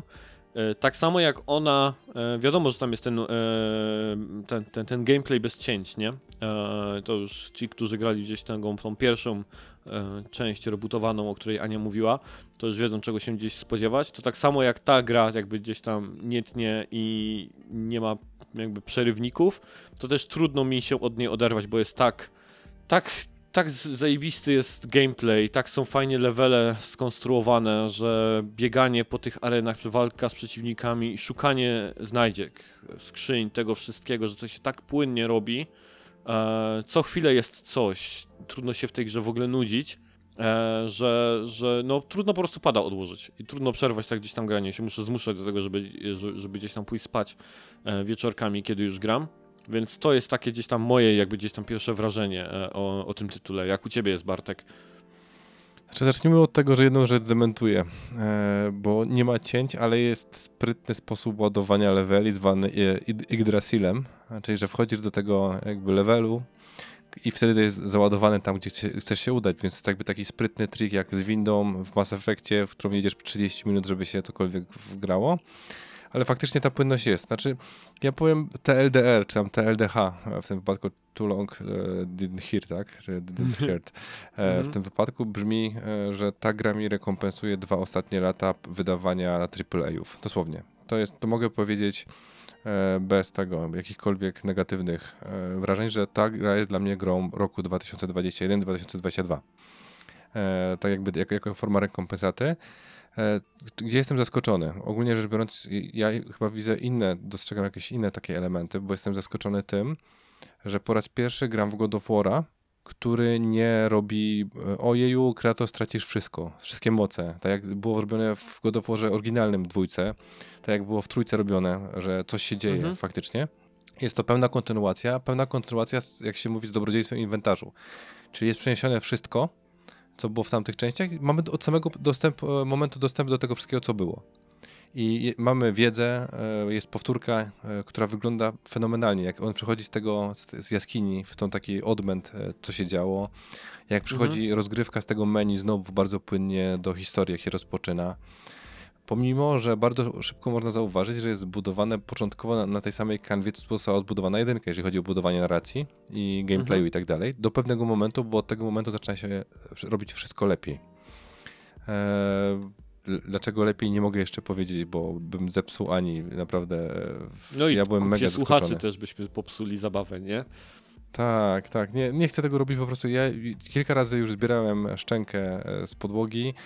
Jak pewnie te trzy osoby, które słuchają naszego podcastu od samego początku wiedzą, to jestem fanem e, mitologii e, ogólnie nordyckiej e, i książki Gaimana w jaki sposób to opisał, że tam przełożył, bo to nie on wymyślił. To nie jest tak, że se Gaiman stwierdził, a se napisze mitologię mm, i se wymyślę Tora. Nie, no Tor był, nie? E, że- żeby nie było, więc e, ja, ja- już dużo rzeczy dostrzegam, takich powiązań e, dodatkowych, które jest, o Jezu, czekaj, robię, ja robię sobie pauzę i zaczynam coś szperać, nie? Już się na tym złapałem kilka razy, więc ja te pauzy taktyczne mam. Na szczęście mam żonę, która bardzo mnie kocha i dba o to, żebym nie został Niemcem, więc ro, robi mi te pauzy taktyczne, żebym za dużo też nie grał, bo jakby naprawdę, gdyby to było dwa lata temu, jakby to wyszło w trakcie pandemii, to, to, to u mnie nie byłoby pauz. Ja bym po prostu wziął dwa tygodnie urlopu i ciosał w tę grę non-stop, bo ona jest tak przyjemna. Te mechaniki wszystkie, które zostały nowe wprowadzone, powiązanie ze starymi, jak to jest, przejście Mhm. jedno na drugie, usunięcie w ogóle niektórych elementów rozboju, na przykład pancerzy, czy jak zostało to fajnie przerobione w tym wszystkim, jak zostało też to ułatwione. To ja mam właśnie wrażenie, że jak ktoś przechodzi y, te 3 lata, czy tam 4 lata pomiędzy dwójką i jedynką, tam w, odwrotnej kolejności, to jest to bardzo przyjemny onboarding. Nie da się zgubić tak łatwo, e, biorąc pod uwagę, że naprawdę podchodzisz do czegoś i, nie wiem dlaczego, ale pamięć mięśniowa, nacisnąłem kwadrat, wbił ten szpikulec w lustro i pojawiło się coś, nie? A Mhm. nie było żadnego prompta nawet. Ja zrobiłem to zanim się pojawił prompt. I zastanawiam się skąd ja to wiem, nie? Przecież nic mnie do tego momentu nie przygotowało. Więc to jest jakby, e, to jest ta, ta, ta spójność pomiędzy światami, która powoduje, że ja się czuję tutaj fenomenalnie i czuję, że to jest pełnoprawny następca, następca tej pierwszej części. To jest też tak fajnie zrobione, że e, tak jakby. Oczywiście to wszystko jest grane gdzieś tam Atreusem i, i Mi- Milmirem, tak? E, tymi postaciami, które. Właśnie, te lustro, tak? Ty jako osoba, która grała w pierwszą część, wiesz, że trzeba po prostu podejść, cisnąć kwadrat, on wyciągnie ten szpikulec i gdzieś tam wbije w te lustro e, e, go. Natomiast jeżeli na przykład czegoś się nie wie i pozostawi się, tak jakby nie podejdzie do tego, to po prostu oni podpowiedzą, że hej, już to robiliśmy, albo że tam, hej, nie pamiętasz, to powinnośmy coś tam te, te, tak czy siak gdzieś tam zrobić. Więc No. e, dużo jest grane tym, że to jest z jednej strony, że tak, że jakby twórcy wiedzą, że prawdopodobnie graliście w poprzednią część, więc wiecie co robić z tą daną gdzieś tam mechaniką w jakichś tam zagadkach, ale jeżeli nie, no to tam ten Atreus e, gdzieś będzie, będzie podpowiadał za, za chwilkę, jeżeli się, jeśli się gubicie. też właśnie to, co tam Bartek powiedział. Czy mogę się, mogę się wtrącić? Bo słyszałam od moich znajomych, że właśnie te podpowiedzi się pojawiają za szybko, że gra traktuje gracza jak debila, nie daje mu pomyśleć i się zastanowić, tylko bardzo szybko wyskakuje z tymi podpowiedziami. Ej, idź tutaj, zrób to, powinieneś zrobić tamto. Nie, to, to prawda? wiesz co, mm, ja bym powiedział tak, że jeżeli w coś jest faktyczną zagadką, do której trzeba gdzieś tam ruszyć łepetynę, to wtedy oni szybko nie reagują. Ale jeżeli są rzeczy takie banalne, które nawet by mi nie przyszło do głowy, że musiałbym się nad nimi zastanawiać, to oni po prostu w gadce szmatce nad nimi gdzieś tam rozmawiają, nie? Że hej, prawdopodobnie Okej. ten kryształ pod sufitem y, będzie rozwiązaniem, nie? Czy coś takiego, Mhm. więc... Powiem ci tak, i, i tak i nie, bo ja mam e, przy niektórych zagadkach mam wrażenie, e, na przykład teraz jest, w, dobra, zrobię mały spoiler. W Walfheimie przy jednej ze skrzynek, e, która wymaga rozwalenia trzech symboli, zaskaku- zaskakujące, w pewnym momencie zauważyłem właśnie, że Mimir mi mówi, a może popatrzyłbyś na to z innego kąta, nie? I wtedy jest, No. kurde, ja jeszcze nie zdążyłem nawet szukać tej trzeciej części, tej trzeciej e, do rozwalenia, on mi już mówi, co mam zrobić, nie? I to jest faktycznie zauważyłem. Natomiast przy sporej ilości takich elementów, to chyba to jest bardzo silne, silnie zależne kontekstowe od, e, gdzie ta podpowiedź ma być, nie? No dlatego ja mówię, że ja na pewno miałem tam. e, Ty, ty miałeś już ten świat, bym powiedział, pustynię, tak? Miałeś już Bartek, nie? Jesteś na, na swoich godzinach. To tam e, właśnie mechanika, która była w tym pierwszym godoworze, to są te takie pnącza, które się trzeba Mhm. było tam na przykład wszystkie trzy tam gdzieś jednym rzutem e, e, siekierką jakby rozwalić, żeby na przykład pnącze gdzieś tam e, się przedostać dalej Mhm. to faktycznie, e, jeżeli na przykład fabul... jeżeli te pnącza blokowały mnie fabularnie, to postacie szybko gadały o tym. Tak jakby, że, że prawdopodobnie to trzeba spojrzeć na to pod innym kątem, albo z wysokości, albo może ten kryształ będzie rozwiązaniem i tak dalej. Ale jak odchodziłem na bok i właśnie miałem do odblokowania jakąś taką opcjonalną skrzynię, która była właśnie e, zagadką tak jakby przykryta, to tam zero podpowiedzi, nie? To tam trzeba było faktycznie samemu gdzieś tam pokombinować, bo ona była gdzieś tam opcjonalna, więc wydaje mi się, że to jest jakoś tak pociągnięte. Ja To- nie zauważyłem, żeby mnie ta to skrzynka, ta skrzynka była denerwowało. opcjonalna, więc nie, Tomek, to ja mówię o opcjonalnej rzeczy. W sensie, to wiesz, to też nie był fabularny element, więc chyba to silnie zależy od czegoś, czego jeszcze nie rozgryźliśmy, może nawet od poziomu gry, albo od zachowań, albo od istnienia save'a na dysku, nie wiem. Trochę, wiesz, tak szyję, jak to mógł, mógłbym Mhm. zrobić, jak ja bym to wszystko planował. Natomiast tak bardzo Może płynnie przejdź, faktycznie. E, to podkreślę jedną rzecz, że faktycznie dialogi, jak się pojawiają, czasami są zabawne w kontekście tego, jak robimy, bo ja, ja jeżeli chodzi o God of War i Dante's Inferno, to przyjmuję taktykę imienia Tomasza Niemca pod tytułem Nigdy nie ufaj kamerze, lisz ściany. Czyli jeżeli kamera idzie do przodu, to się odwróć, bo tak mnie przyzwyczaił God of War zawsze. I tak samo robię tutaj, że jak są, jak są ścieżki, to schodzę i tak dalej, więc pewna postać, e, nie mogę powiedzieć która, bo to też będzie Mhm. spoiler, e, razem z Arteusem wchodziła właśnie w dyskusję, co on robi. A on tak ma zawsze, że idzie zawsze coś tutaj sprawdzić, on, tak, jest o- ciekawy. On tak ma. Najlepsze podobało mi się hasło. A nie, nie, nie przejmuj się. Mój tata po prostu lubi lód. No, no tak, Zbierać tak, tak. lód. Właśnie, Takie tak, tak, tak. Właśnie i to jest, to jest zabawne, że tak jakby jest ta, taka metanarracja do tego wszystkiego, tak jakby obok. E, I zauważyłem, że też się potrafią niecierpliwić, jeżeli faktycznie długo coś robimy lub czegoś szukamy. Pojawiają się jakieś tam elementy takie, wiesz, za, zaczepne, ale śmieszne e, w tym wszystkim, więc tak jakby e, gracze, czy tam twórcy gry byli świadomi, że może być duża grupa osób, która im już nie ufa, bo to dalej Santa Monica, to, to dalej ta sama Santa Monica, która e, przyniosła ze sobą jakby pewne elementy e, z poprzednich tych poprzednich tytułów, więc e, warto to jakby wesprzeć. I to jest taki, wiesz, taki miły detal, taki smaczek, taki akcent, który pokazuje, że ktoś wziął model z 2018 roku i nie stwierdził, że budujemy coś od nowa, tylko budujemy dwójkę, która ma być lepsza, przyjemniejsza w większości wypadków. E, ma być więcej akcji, te postacie mają być bardziej ciekawe, bo o czymś nie wspomnieliśmy, to jest ja mam wrażenie, że Arteus był takim sidekickiem. Czyli wiesz, niegrywalną osobą, która w jakimś stopniu dopiero ta historia na sam koniec została, że w większości wypadków to była droga Kratosa Kratos. przez Mhm. nie przez te wszystkie levele, tylko po pierwsze pogodzenie się ze śmiercią ukochanej. Zweimal, bo już raz to już odwalił w pierwszej części, e, e, ale tym razem z przyczyn Tylko prawdopodobnie wcześniej to przechodził trochę w innych emocjach. Znaczy wcześniej to, wiesz, Aresowi dupę skopał i tak dalej, nie? No. E, Z tego Zeusowi też dwa razy co najmniej e, w tym wszystkim, ale do czego prowadzę? Że właśnie odczuwałem, że to jest po prostu jego droga, że on jest główną postacią, a wszystkie postacie są po to, żeby dodatkową narrację dołożyć, żeby pokazać, jak może się człowiek, e, który jest byłym e, emerytowanym bogiem wojny, stać się dobrym ojcem, że tam, dobra, namiastką dobrego ojca w warunkach, które są możliwe. I tu od samego początku mamy pokazane w dwójce, że nie ma jednej głównej postaci. No nie, nie, nie, Miśku, Pyśku. Ty masz dużo, tak jakby oni są wyżej. Oni, to jest elewacja, nie? Są historie pokazujące, kim jest Mimir, dlaczego jest taką, a nie inną osobą, jak się zachowywał. Jest pokazane, w jaki sposób w ogóle Arteus, yy, czy też nie powiem kto, bo też zepsuje ludziom, którzy nie grali jedynkę. To, to może być mega spoiler, ale e, co się działo, w jaki sposób on próbuje sobie radzić z tym wszystkim, jak on dojrzewa, bo teraz to już nie jest taki malutki podlotek, tylko to już jest nastolatek, e, który ma nastolat problemy. No zupełnie jest w sensie- inna dynamika, nie? Tam No, to nie- była nie taka taki jak my dynamika typu, wychowawcza była, gdzie po prostu Kratos starał się Mhm. e, wychowywać, dużo gdzieś tam rad dawać. Ale tu też jest e, wychowawcza, żeby nie było. To, to Kratos nie zmienia swojej roli. Jest, Kratos, jest, ale też na przykład jest dużo tego takiego, bym powiedział. e, No właśnie, też, żeby nie powiedzieć gdzieś tam za dużo. Jest zupełnie inna dynamika, bym powiedział. No tak jak mówisz, Atreus jest po prostu nastolatkiem, już jest gdzieś tam starszy e, i inaczej oni ze sobą w ogóle rozmawiają. E, jeden, jeden i jeden rozmawiają. Podkreślę, rozmawiają. To jest Właśnie. klucz tego wszystkiego. No, no, tam wcze- wcześniej to nie wyglądało w ten sposób, tutaj są faktycznie gdzieś tam rozmowy, gdzie nawet yy, Atreus wchodzi w rolę przewodnika, nie? Bo to tak jest trochę, że on, on teraz prowadzi ich tak, jakby można było przez tam, przez, przez fabułę, przynajmniej na początku tak jest yy, i to on gdzieś tam na przykład nadaje kolejny kierunek, ale Tak, mhm.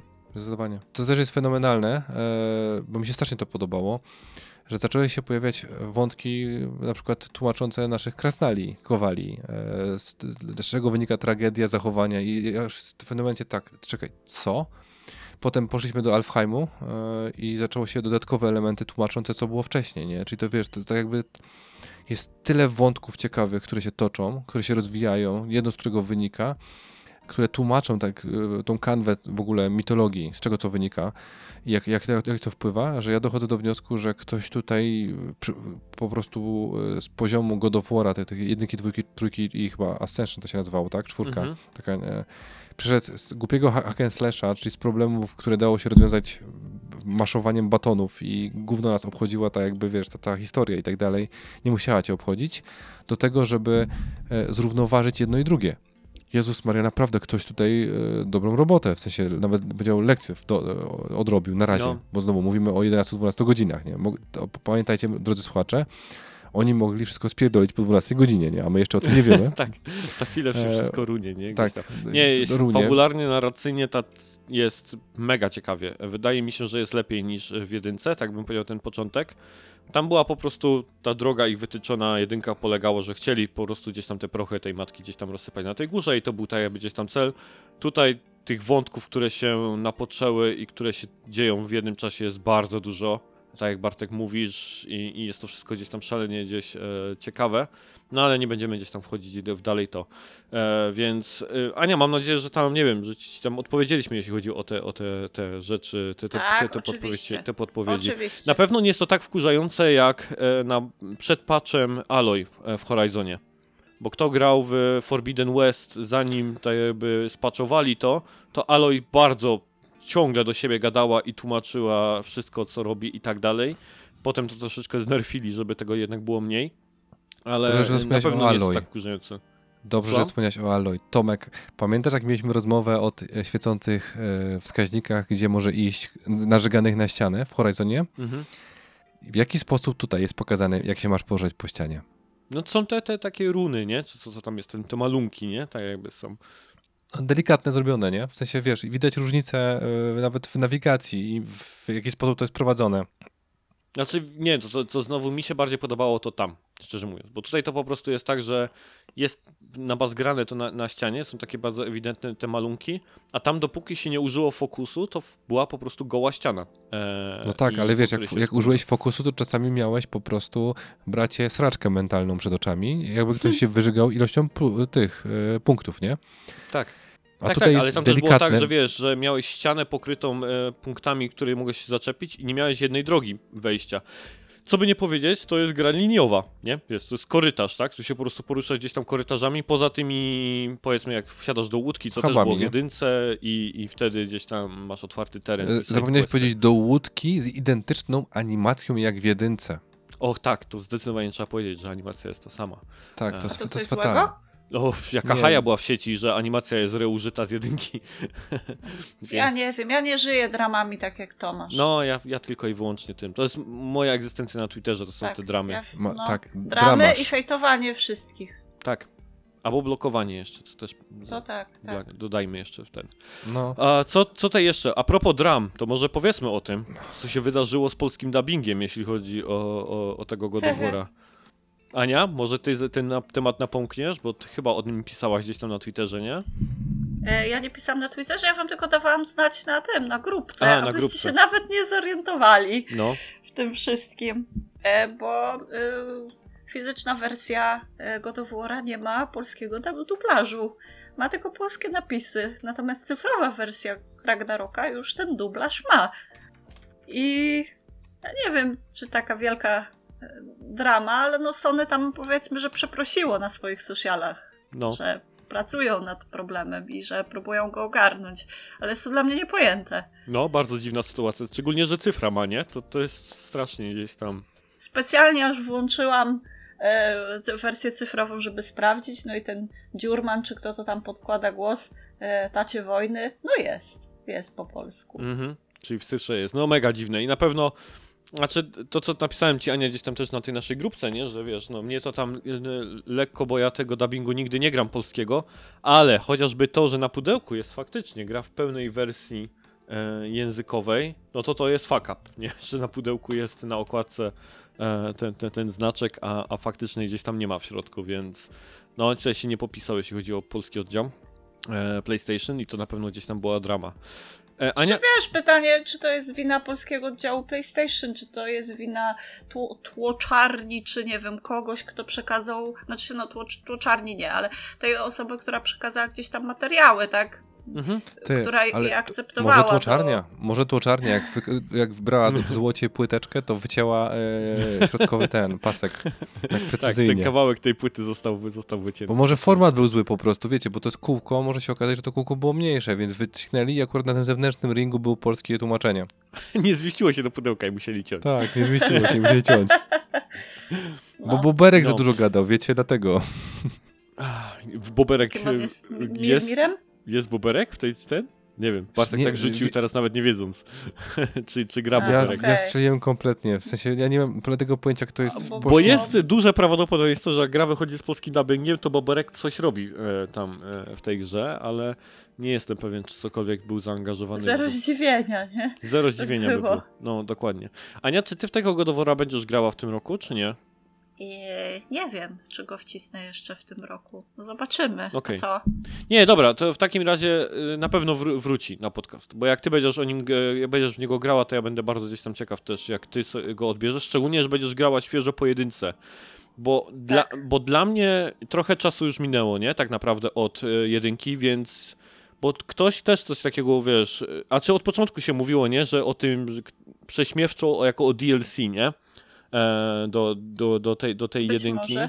Ja, ja, ja tego nie podzielam obecnie, bo tak jak mówię, trochę tego czasu minęło i nie czuję tego. No że jak ty będziesz grała jedynkę blisko tej dwójki, to jestem ciekaw po prostu, jak ty to odczujesz, nie? Czy faktycznie to będzie kontynuacja, kontynuacja, czy takie trochę 1.5, Zwłaszcza, nie? że ja nie jestem fanką jedynki. No właśnie, więc e, Bo tym bardziej. Ja jednak wolę te części przed reworkiem. One do mnie bardziej przemawiały, zdecydowanie lepiej się w nich bawiłam. No ale to zobaczymy. Może przy drugim ranie w podstawce zmienię zdanie. Mhm. Albo chociaż. O, jakie nie rymy. mówię, że kompletnie. Co? Jakie Zarymowałaś. Przy drugim Zobaczymy. ranie zmienisz zdanie, tak? Zarymowałaś, No, tak? I Bartek nie się czuję, ucieszył. że ry... nie czuję, że Nie, rymuję nie, nie, ogóle. nie, nie czujesz, że rymujesz. Kompletnie. Dobrze, e, więc to tyle z God of War'a przynajmniej na razie. Prawdopodobnie wróci gdzieś tam na podcast, czy jako aktualizacja od nas, czy jak już Ania będzie grała. Natomiast ja zmusiłem Anię do dodania jednej gry e, do, do naszej agendy do pogaduchy. E, The Procession to Calvary, e, które Ania ogrywała. Ja, jeśli szukałem notatek o tej grze, to e, tutaj mam takie, że e, dewelopował to Joy Richardson, publiszował Joy Richardson i w ogóle Joy Richardson robił chyba wszystko tak trochę w stylu Kojimy. Tak, on to jest taki Hideo Kojima y, Tak. indyczkowego Tak, tak, świata. tak, Wszystko dokładnie. Zrobiłem sam. Ko Ko Kojimbo, jeśli chodzi o indyki. E, wszystko robi w tej grze. Ona w ogóle ma na Metacriticu 78 ocenę. E, I co, dlaczego poprosiłem cię, żebyś ją wrzuciła? Bo mnie zaintrygowałaś chyba na Twitterze o tym pisząc, że to jest taki Monty Python The Game? Jakby, że, że to jest gra... Tak, tak, to jest po prostu... No, dawaj, dawaj o nim. Ja już jak e, zobaczyłam zapowiedź tej gry, to wiedziałam, że będę kompletnie kupiona, bo e, w ogóle pan, pan Richardson niewiele się musiał na, namęczyć, jeśli chodzi o projektowanie rzeczy do tej gry, bo Procession to Calvary bazuje na asetach, że tak powiem, z klasycznych obrazów średniowiecznych. E, I e, Czyli jak ktoś oglądał e, cy- ten latający cyrk Monty Pythona, to wie o co chodzi, tak? Po prostu. e, Te no, takie wycinki, powie- tak? Te głowy tak, gadające, tak, tak, tak, tak, dokładnie. To mniej więcej wszystko wygląda Tak. w tym samym stylu i opiera się przede wszystkim na takim obrazie procesja na Kalwarię, swoją drogą, e, Broigla starszego, bo było Broiglów dwóch. Mhm. E, ale też ta gra bardzo dużo czerpie, nie wiem, z Rafaela, z Da Vinciego, z Boscha, e, inkorporuje, wykorzystuje wszystkie te grafiki, które możemy zobaczyć na klasycznych, średniowiecznych czy tam renesansowych obrazach. I generalnie to jest bardzo krótka gra, bo można ją tam w godzinkę przejść, wszystkie zakończenia zrobić powiedzmy w dwie godzinki.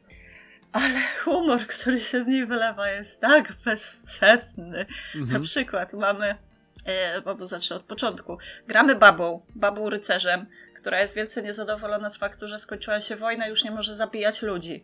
No i król mówi, jak chcesz zabijać ludzi, to musisz iść do jeszcze lepszego, większego króla i zabij go najlepiej, to wtedy będziesz mogła zabijać więcej ludzi. No i ona sobie podróżuje do tego, do, do, do tego króla, e, w międzyczasie trafiając na dużo różnych dziwnych, y, absurdalnych wręcz scenek, na przykład na, trafia na ostatnią wieczerzę, gdzie Jezus Chrystus sobie siedzi ze swoimi uczniami i wszyscy mówią, o pewnie znowu będzie wyciągał królika z kapelusza, albo, albo Ch- Chrystus tam tasuje karty i mówi, czy to jest twoja karta?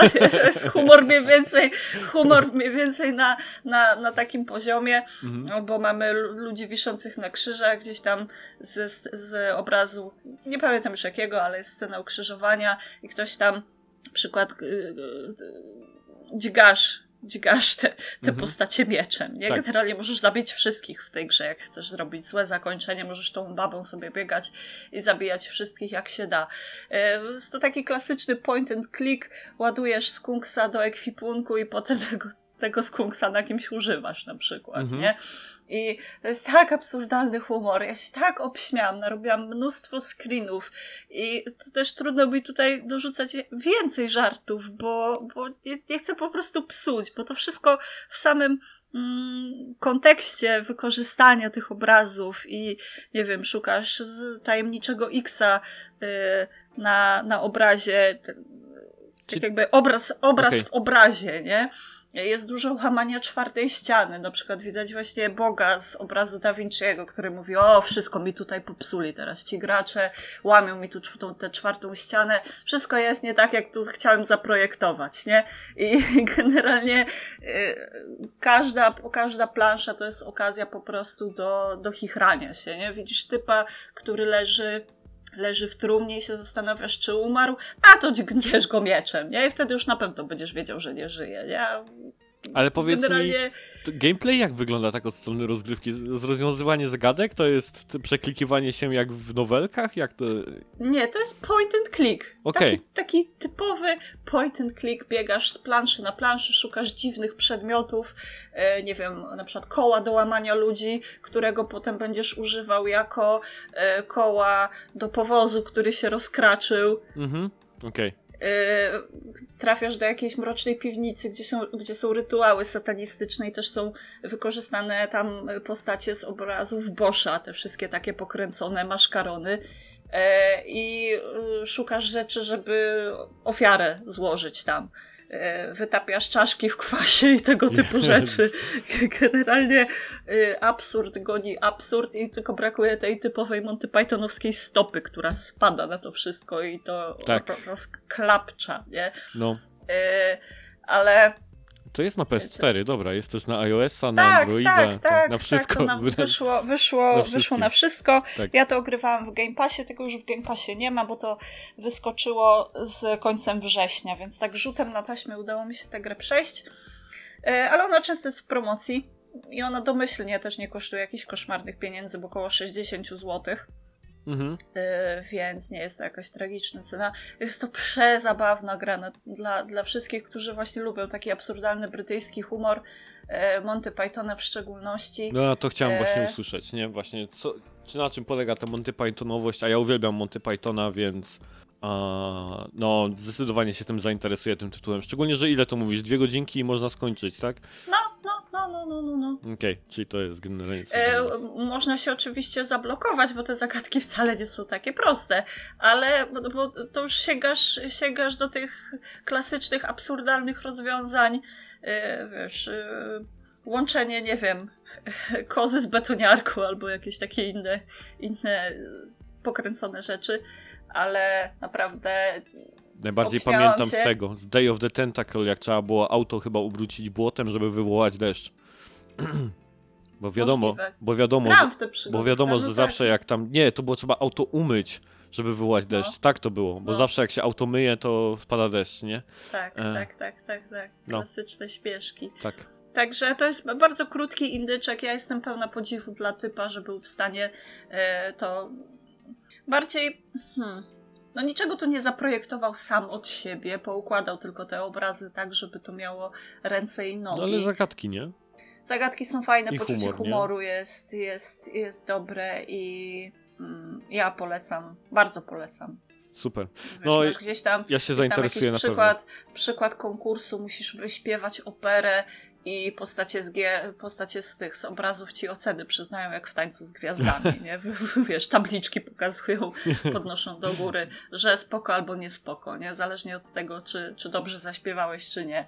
Także strasznie absurdalne, strasznie dziwne, ale złoto, czyste złoto po No, ja, prostu. ja, ja uwielbiam Monty Pythona, zarówno właśnie cyrk, jak i te pełnometrażowe. To jest coś, co ja się wychowałem na tym, więc uwielbiam. A... No to tak do, do żywotu Briana, nie? Bo żywot Briana też tam wykorzystywał dużo tych średniowiecznych plansz e, e, i jakichś takich tropów, także bardzo zbliżone do żywotu Briana. No. Ja, ja wiesz, ja, ja głównie oglądałem ten latający cyrk e, bardzo Mhm. dużo. Bo tam wiesz, to były takie te, te krótkie skecze, nie? Były w latającym Boże, cyrku. co ja mówię? Nie żywot Briana, tylko Król Artur. Król Artur, tak. On wykorzystywał tam-. Jak Bóg do Tak, nich mówił, nie? Te chmurki się Tak, tam tak, rozstąpały tak, i tak. tam. No to mniej więcej jest na, jest na podobnej zasadzie, nie? Tak, Pojawiają się te aniołki takie charakterystyczne z obrazu Santiago, pojawia się ten Bóg i zaczyna marudzić. I nie? Trąbki, nie? jest- Zawsze. Ty, ty, ty, ty. Tak, tak, tak. tak, tak, tak. Albo y, musisz się dostać w jakieś miejsce i nagle spotykasz Maryję z dzieciątkiem i ona na swoim odrzutowym osiołku, wiesz, biegniesz razem z nią, nie? Z jednej lokacji do drugiej. Nice. Także złoto, kompletne złoto. Super. Bartek, czy coś chcesz dodać do tego tytułu? Albo o coś zapytać? Nie, Bartek kręci głową. Ty w ogóle lubisz Monty Pythona, Bartek? Tak. Byłbym Humor bardzo tak, zdziwiony, jakbyś nie lubił, naprawdę. Ale to w pudełku chyba nie wyszło, to ja nie wiem, Tomasz, czy ty możesz zagrać. Ale to ja sobie sam zrobię pudełko. Pamiętaj. ale to, to by było głupie, bo to, Szachmat. skoro mówimy o Monty nie, Pythonie, Wiesz, to wszechświat mnie po- nie zagnie. Nie, powinieneś zrobić coś bardziej Monty Pythonowskiego w tym wszystkim.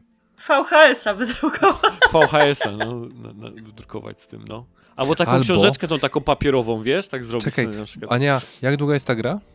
No tak na dwie godzinki. No to więc, czyli dwie godziny to jest dwa, e, 120 minut, tak? 120 minut razy mm, 60 sekund. ty gadasz?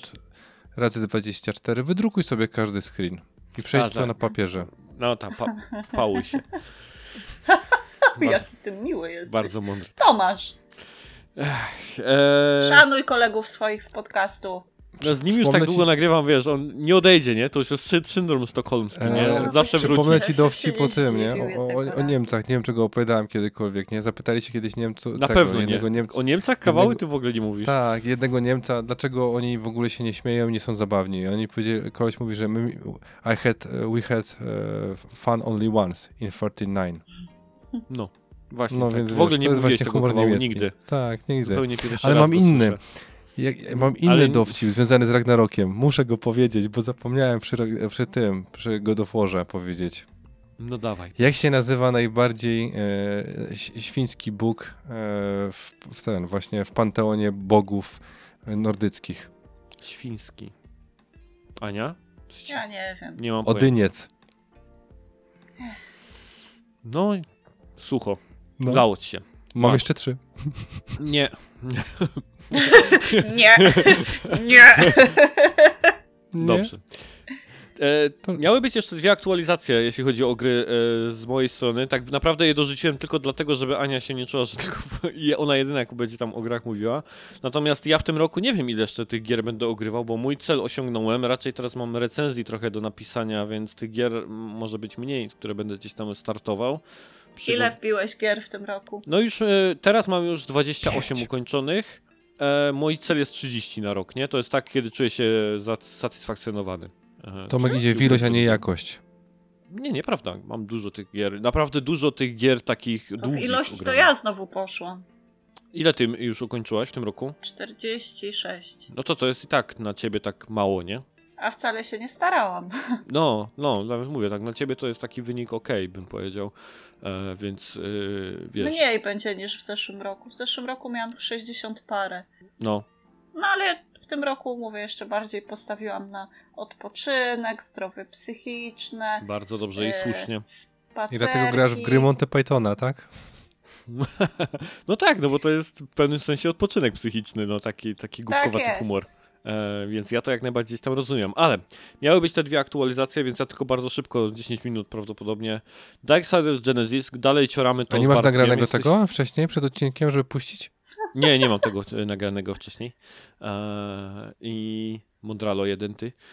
A Więc szkoda. cio, e, No. Cioramy w to z Bartkiem. E, zostały nam trzy levele chyba gdzieś tam do końca. Prawdopodobnie będzie z tego jeden boss, więc. E, więc może jeden wieczór, dwa się wy- zmusimy, żeby oderwać się od Godowora i to machniemy. Jesteśmy gdzieś tam przy końcu. Ja się bawię świetnie e, przy tych Darksidersach. Dla mnie najważniejsze takie info to jest to, że to są normalne Darksidersy, tylko po prostu w koopie i, i, i w innej kamerze. A tak poza tym to to jest dokładnie taki sam gameplay, bym powiedział, jak w tych zwykłych Darksidersach. E, więc... A ty w trójkę grałeś? Nie, nie. grałem to jak mówisz i dwójkę normal- na razie. No właśnie, bo jak mówisz normalny widok, no to już obrażasz trójkę. A trójka jest przecież podobnie tak samo jak jedynka i dwójka, nie? Jeśli chodzi o widok, kamery i tak dalej, nie? Widziałeś screeny? To sobie teraz wygoogluj bardzo szybko screeny i zobacz. Trójki Darksidersów? No i co ty gadasz? Mhm. Przecież to z tą la, las, laseczką i tam to normalnie jest z trzeciej perspektywy. Darksiders 3? Co ty tam, ten... Patrzę, popatrzę na screeny. Mhm. No ona jest bardzo, w sensie wiesz, bardzo bliska tego, o czym my tutaj mówimy momentami. Więc oni już tą perspektywą grali, o to mi chodzi, nie? A, okej. Hmm. No dobra, to w takim razie może nie grałem w trójkę i dlatego gdzieś tak e, w Farmazonie. No w sensie wiesz, mówienie, to- o, mówienie w Darksidersach o tym, że oni jakąś perspektywą, e, w sensie wiesz, nie grają, przecież oni mają, bawią się nawet w ramach gry, że zmieniają, dwójkę zmienili w FPS-a pełnowymiarowego, nie? Że jeden level w tym niebie, to on się na- nadopiałeś z pierwszej tego, nie? Z No widoku tak, ale zawsze jak są poziomy ten wieżyczkowe, no to się zmieniają na chwilę w tego, w FPS-a, więc to tam bym powiedział, że to nie jest jakaś tak mega zabawa perspektywą. E, natomiast ja pograłem w te Darksidersy w Genesis też solo, bo sprawdziłem sobie jak się gra w pojedynkę i jest zdecydowanie mniejszy fan e, wtedy, tym bardziej, że te zagadki, które się jednak w kopie rozwiązuje, to one są też tak samo, to są dokładnie te same zagadki w pojedynkę, jak i w koopie, tylko po prostu zamiast gdzieś tam robić rzeczy równocześnie, to trzeba się przełączyć pomiędzy postaciami, najpierw zrobić coś jedną, potem drugą i jest z tego mniejszy fan. I e, coś, co muszę sobie przemyśleć, to jest to zastanowić się, czy takie gry koopowe nie powinny jednak iść w stronę bardziej It Takes Two, czyli albo w koopie, albo w ogóle. E, bo, bo taka właśnie ogrywanie tego w pojedynkę jest, bym powiedział, no... W ogóle. Nie, nie, W sensie ja już ci odpowiem, bo grałem jeden level sam, e, zanim ty przyszedłeś do mnie. W sensie nie, wytrzymałem po prostu, ale No potem wiem. ci obiecałem, że już nie Tak, włączę. tak, zjechałem cię za to, że grasz sam pierwszy. No. Tak, i na przykład najprostszy mechanizm, kiedy oboje naciskamy dźwignię w odpowiednim momencie, tam jest zrobiony w taki sposób, że rzucasz po prostu wybuchową kulką i to już psuje kompletnie, te gry ma, nadal bazują na komunikacji, na fanie wynikającym z tego i trochę tak, sorry, ale w ogóle, jeżeli robisz grę pod koopa, która naprawdę jest przyjemną grą koopa, nie róbmy e, nowotworu na plecach, czy raka, czy jakkolwiek chcemy to nazwać w postaci single playera dla osób niegrających, bo to jest znowu tak jak, wiesz, rozdrabnianie się, że żeby zwiększyć zasięg, może ktoś to będzie grał sam, ale to jest trochę psucie gry. No, według mnie, no dokładnie tak, Bartek, więc też mi to chodzi po głowie i wydaje mi się, że powinni jednak to iść bardziej e, tak by obiema nogami po prostu w koopa, a nie tak jak takie bezpieczne gdzieś tam wyjście sobie planować. No i Outridersów jeszcze chciałem coś tam poopowiadać, jeśli chodzi o aktualizację, ale zdążyłem Niech se ludzie recenzję. zobaczą na kanale, no niech ludzie Tak, jest recenzja wrzucona, więc możecie ten. E, natomiast ja jestem bardzo ciekaw przy Outridersach tego, czy jak będę sobie planował top e, tego roku, co prawdopodobnie będzie za jakiś miesiąc będziemy nagrywać, spoiler, to czy Outridersy się z w nim znajdą, bo na razie jestem bardziej niż pewien, że gdzieś tam będą w topie, ale e, no, muszę, muszę jeszcze raz tak jakby przelecieć przez wszystko, co ograłem w tym roku i czy faktycznie się zmieszczą, bo bawiłem się naprawdę, naprawdę dobrze przy nich. No co zresztą w recenzji możecie sobie usłyszeć, albo zobaczyć, albo przeczytać. No i dobrze, to by było tyle, jeśli chodzi o gry, więc jeśli dobrze rozumiem, to Bartek, my zaraz nagrywamy newsy, to znaczy po przerwie będą newsy, a potem wnioski Ania, my pogadamy sobie o Silent Hillu i o One Piece.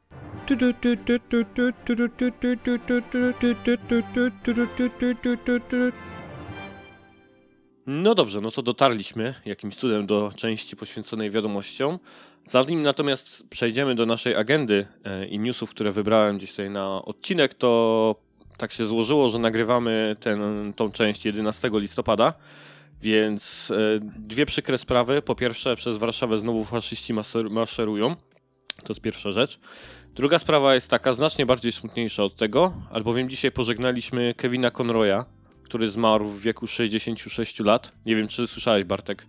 Znaczy, w sensie o, o tym, że jest marsz, tak jak najbardziej, o śmierci tym też, bo o, obok takich rzeczy nie da się nie przejść po prostu, e, Ty że tak powiem. Batmana bardzo chyba lubisz, nie? Takie, jeśli tak pamiętam, Batmana, Jokera, Zarówno w te wersjach, tematy. tak, w wersjach growych. Voiceover to jest jedna z tych rzeczy, która w sumie nazwijmy rzecz po imieniu. Batman nie, nie grzeszy ani ładnym wyglądem e, zewnętrznym, chyba że mówimy o Cloonym i jego sutkach. No, chociaż przy Mhm. śmierci tak, tak, takiej osobistości raczej nie powinienem Ja i żartować tak wolałem z Clooney'a i jego skutków. No, ale fakt faktem, że voiceover zawsze był silną, e, silną częścią i zarówno animacji, jak i gier komputerowych, więc to jak najbardziej można się pochylić, e, bo to jest no, jeden z takich bardziej zauważalnych głosów, które ja na pewno pamiętam chyba za 90. z animacji, czy tam 80., żebym teraz nie pojechał Nie za, da się do, go podrobić, nie? I tak dalej. Wydaje mi się, że każdy, kto go choć raz usłyszał, to od razu rozpoznaje pewne gdzieś tam twarze. Oczywiście najbardziej z Batmana, a, ale gdzieś tutaj jeszcze... Znaczy on Jack wygląda Dexter- jak Batman, nie? To zna, że, jak, sobie, jak, jak Tak. popatrzysz sobie na Kilmera i popatrzysz sobie na, Mhm. na Clooney'a, to się zastanawiasz, dlaczego oni za- zatrudnili Conroya? Przecież ten facet wygląda jak, jakby był stworzony, w sensie wyglądał Tak. już raczej. E, Teraz może wyglądać gorzej. Mm, w Tak, czasie przeszłym. no, Wiadomo, że chorował wiele lat, to już tam też było gdzieś tam e, o tym mówiono. No, natomiast autor e, 66 lat e, przeżył w 55 roku w ogóle mm, urodzony, a więc e, spoczywam gdzieś tutaj, łączymy się gdzieś z rodziną, z fanami. Mhm, a A- chcesz, jak się przygotowałem do odcinka, to zobaczyłem jedną bardzo ciekawą rzecz. No, Jeżeli wierzyć mojej ulubionej stronie Wikipedii, to Mhm. e, Conroy zarówno użyczył głosu Batmanowi, jak i Alfredowi, żeby było zabawne e, w- serii o... Tak? No tak, w sensie nie sprawdzałem, czy to jest Alfred z Batmana, bo może to być Alfred inny, nie? Ale tak jak patrzyłem sobie na listę, to stwierdzam, że Batman, Batman, Bruce Wayne, Batman, himself, Batman, Batman, Alfred. E, what? I raz Thomas Wayne. nice. No, Więc no, e, będzie na pewno brakować tego głosu. Zobaczymy, czy ktoś się pojawi, e, kto zastąpi Batmana gdzieś tam w jakichś przyszłych produkcjach, animacjach i tak dalej. Znaczy, no, powiem ci jedną rzecz. Pamiętasz jak, jak e, chyba to było na Comic-Conie, e, teraz nie pamiętam roku, możecie nam przypomnieć po prostu pod odcinkiem, jak się wzbraniałem, jak usłyszałem, że e, Marka Hamill zostanie, zostanie zastąpiony jako Joker przez inną osobę. Pewnie pamiętasz przez kogo. Mhm. I jak wyszedł i przeczytał kawałek z Killing Joke'u, e, kurde, to, to ja po prostu do dziś mam ciarki, nie? Że to, Mhm. to, ten, ten sposób, w jaki ów człowiek, i tu zostawię wam, żebyście po prostu mogli napisać, kto to był, bo ja e, do, dobrze pamiętam na szczęście. Ja sobie co jakiś czas o to odtwarzam. Dlaczego o tym mówię? Ja nie mam e, przeczucia, czy tam nawet wątpliwości, czy pojawi się nowa, nowa osoba, która zagra Batmana inaczej. I to jest, to jest Mhm. istotne, żeby co jakiś czas oddawać to młodszym pokoleniom, jakimś Bakerom, e, czy Nolanom, czy innym osobom, żeby dać No. w ogóle możliwość wykazania się, dlatego że to jest kwestia też interpretacji, nie? Że dajemy możliwość, e, bo tutaj nie grasz twarzą. Tutaj w większości Mhm. wypadków grasz jedyną rzeczą, którą ludzie tak de facto zobaczą w radio, czyli gło, w, e, za pomocą głosu. I to daje fenomenalne możliwości interpretacyjne, szczególnie, że mamy ludzi, którzy naprawdę potrafią za pomocą głosu, modulacji oraz odpowiedzi artykulacji oraz innych tam takich elementów stworzyć naprawdę fenomenalny klimat, więc ja jestem otwarty i zawsze byłem otwarty na zmiany w tym zakresie. No, zdecydowanie też. Natomiast e, co mamy na agencie PSVR 2 z datą premiery i sceną? E, to była informacja, której Sony bardzo długo nie podawało. W końcu się zdecydowali podać, no i trochę chyba już wiemy, czemu tak zwlekali z tym i oszczędnie gdzieś te informacje nam dawkowali. Więc tak, pierwsza rzecz, jaką się dowiedzieliśmy, to jest to, że nowe gogle VR zostaną oficjalnie wprowadzone na rynek 22 lutego e, i ruszyły już przedsprzedażowe gdzieś tam e, sprzedaże czy preordery na chyba tym PlayStation Direct, tak, czy można bezpośrednio od Sony zamawiać sobie swoje sztuki.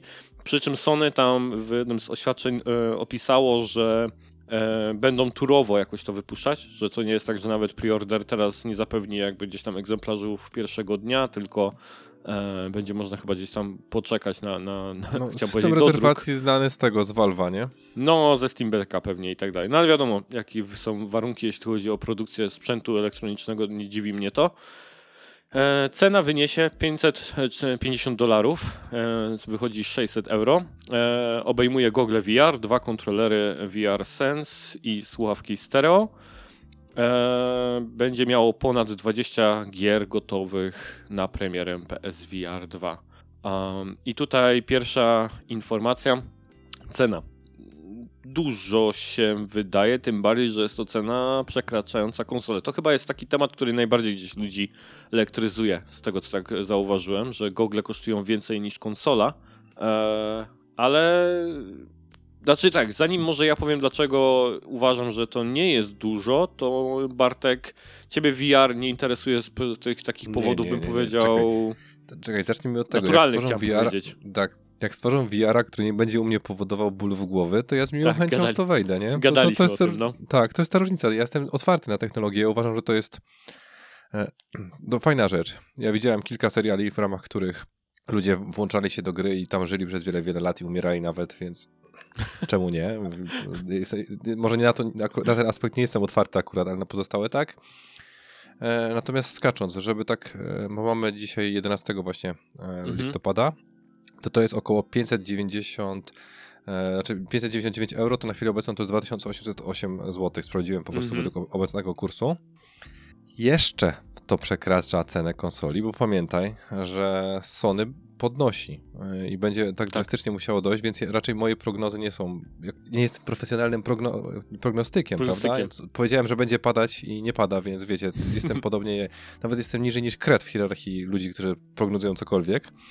Ale wydaje mi się po prostu, że ceny konsoli tak powinny pójść e, mniej więcej do tego poziomu, e, żeby faktycznie walczyć z opłacalnością, nie? Bo w chwili obecnej tną po kosztach, a jako, że bardzo mało firm na świecie panuje w 100% nad surowcami, patrzcie, co, co chcą zrobić z Tajwanem na przykład, który e, ma tam swoje, że tak powiem, procenty wydobycia mm, krzemu, z tego co pamiętam, Mhm. E, czy tam nawet budowy układów scalonych, a tym bardziej Sony nie panuje nad całością łańcuchów dostaw, bo nikt nie panuje poza, bardzo, dobra, nikt stwierdzenie i druga moja część zdania jest, jednocześnie się wykluczają, bardzo mało firm panuje w 100% nad całym łańcuchem dostaw, żeby mieć w, Zastanawiam się, czy wszystko- którakolwiek y, naprawdę tak. Tak. e, tak, tak, tak, tak. Są już firmy, które po prostu w ciągu dwóch lat odrobiły zadanie domowe. Mhm. Tylko to są w większości firmy nie po tej stronie, w sensie ja wiem, że my jesteśmy elipsoidą, e, czy tam e, schodząc na mniejszą ilość wymiarów kulą, e, jeżeli chodzi o Ziemię, więc jak powiem e, po tej drugiej stronie, no to tak byśmy się mogli w kółko kręcić, natomiast e, na Pacyfiku, czyli tam e, w Japonii i w Korei są firmy po prostu, które już to opanowały, ale one też Mhm. miały inne możliwości, więc tak w większości wypadków nie mają. Więc teraz hipotetycznie, system rezerwacji uważam, że w chwili obecnej to jest zdrowy rozsądek. Od samego początku sygnalizować, z czego to wynika. O ile się nie mylę, to Valve, e, jeżeli chodzi o Steam Deck, wrócił znowu na system rezerwacji, bo takim dobrze poszło, to już nie musicie czekać, że się ludzie po prostu ciepli i znowu musimy czekać. Nie? Bo Tak, ja tam i znowu patrzyłem- trzeba czekać w kolejkach. No. no ale to jest logiczne. W sensie e, ja wolę, e, żeby firma od samego początku była fair i sygnalizowała, słuchaj, to wynika z tego i tak dalej, będziesz czekać, Tak. e, niż wiesz, e, tak jak na przykład ostatnio zamówiłem sobie w pewnej firmie e, na, na X, kurde, jak już powiem na X, to już wszyscy będą wiedzieć co. Mhm. E, w, I dowiedziałem się na przykład, że e, pomimo tego, że mamy stan magazynowy, ma, jest odpowiednia ilość, już dwa tygodnie czekam, bo dostałem brzydkiego maila, w którym pytałem się odnośnie, skoro zamówiłem i miało być za trzy dni i macie na magazynie, to dlaczego dwa tygodnie później dostaję maila o tym, że e, no, pana zamówienie zawiera produkt, którego nie mamy na stanie magazynowym. Przecież to jest sprzeczne Ach. z logiką.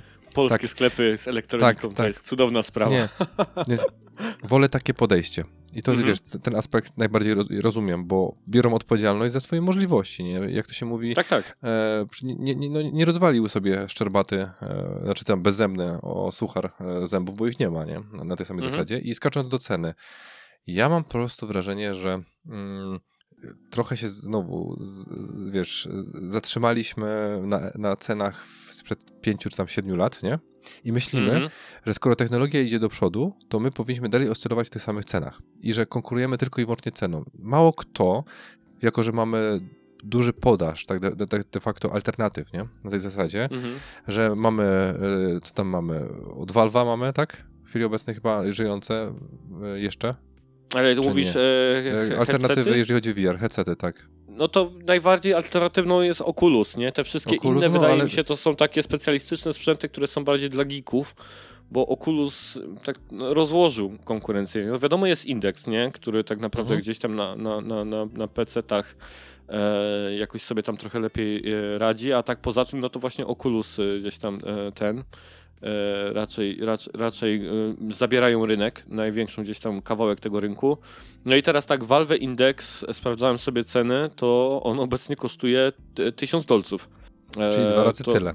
Dwa razy tyle tak naprawdę gdzieś kosztuje. E, Czekaj, Quest, sprawdzałeś, czekaj, Valve Index sprawdzałeś w urządzenie, czy na giełdzie? Że tak sobie zażartuję, bo może to jest indeks jakiś nie, w sklepie giełdowy. normalnym, na Amazonie do kupienia.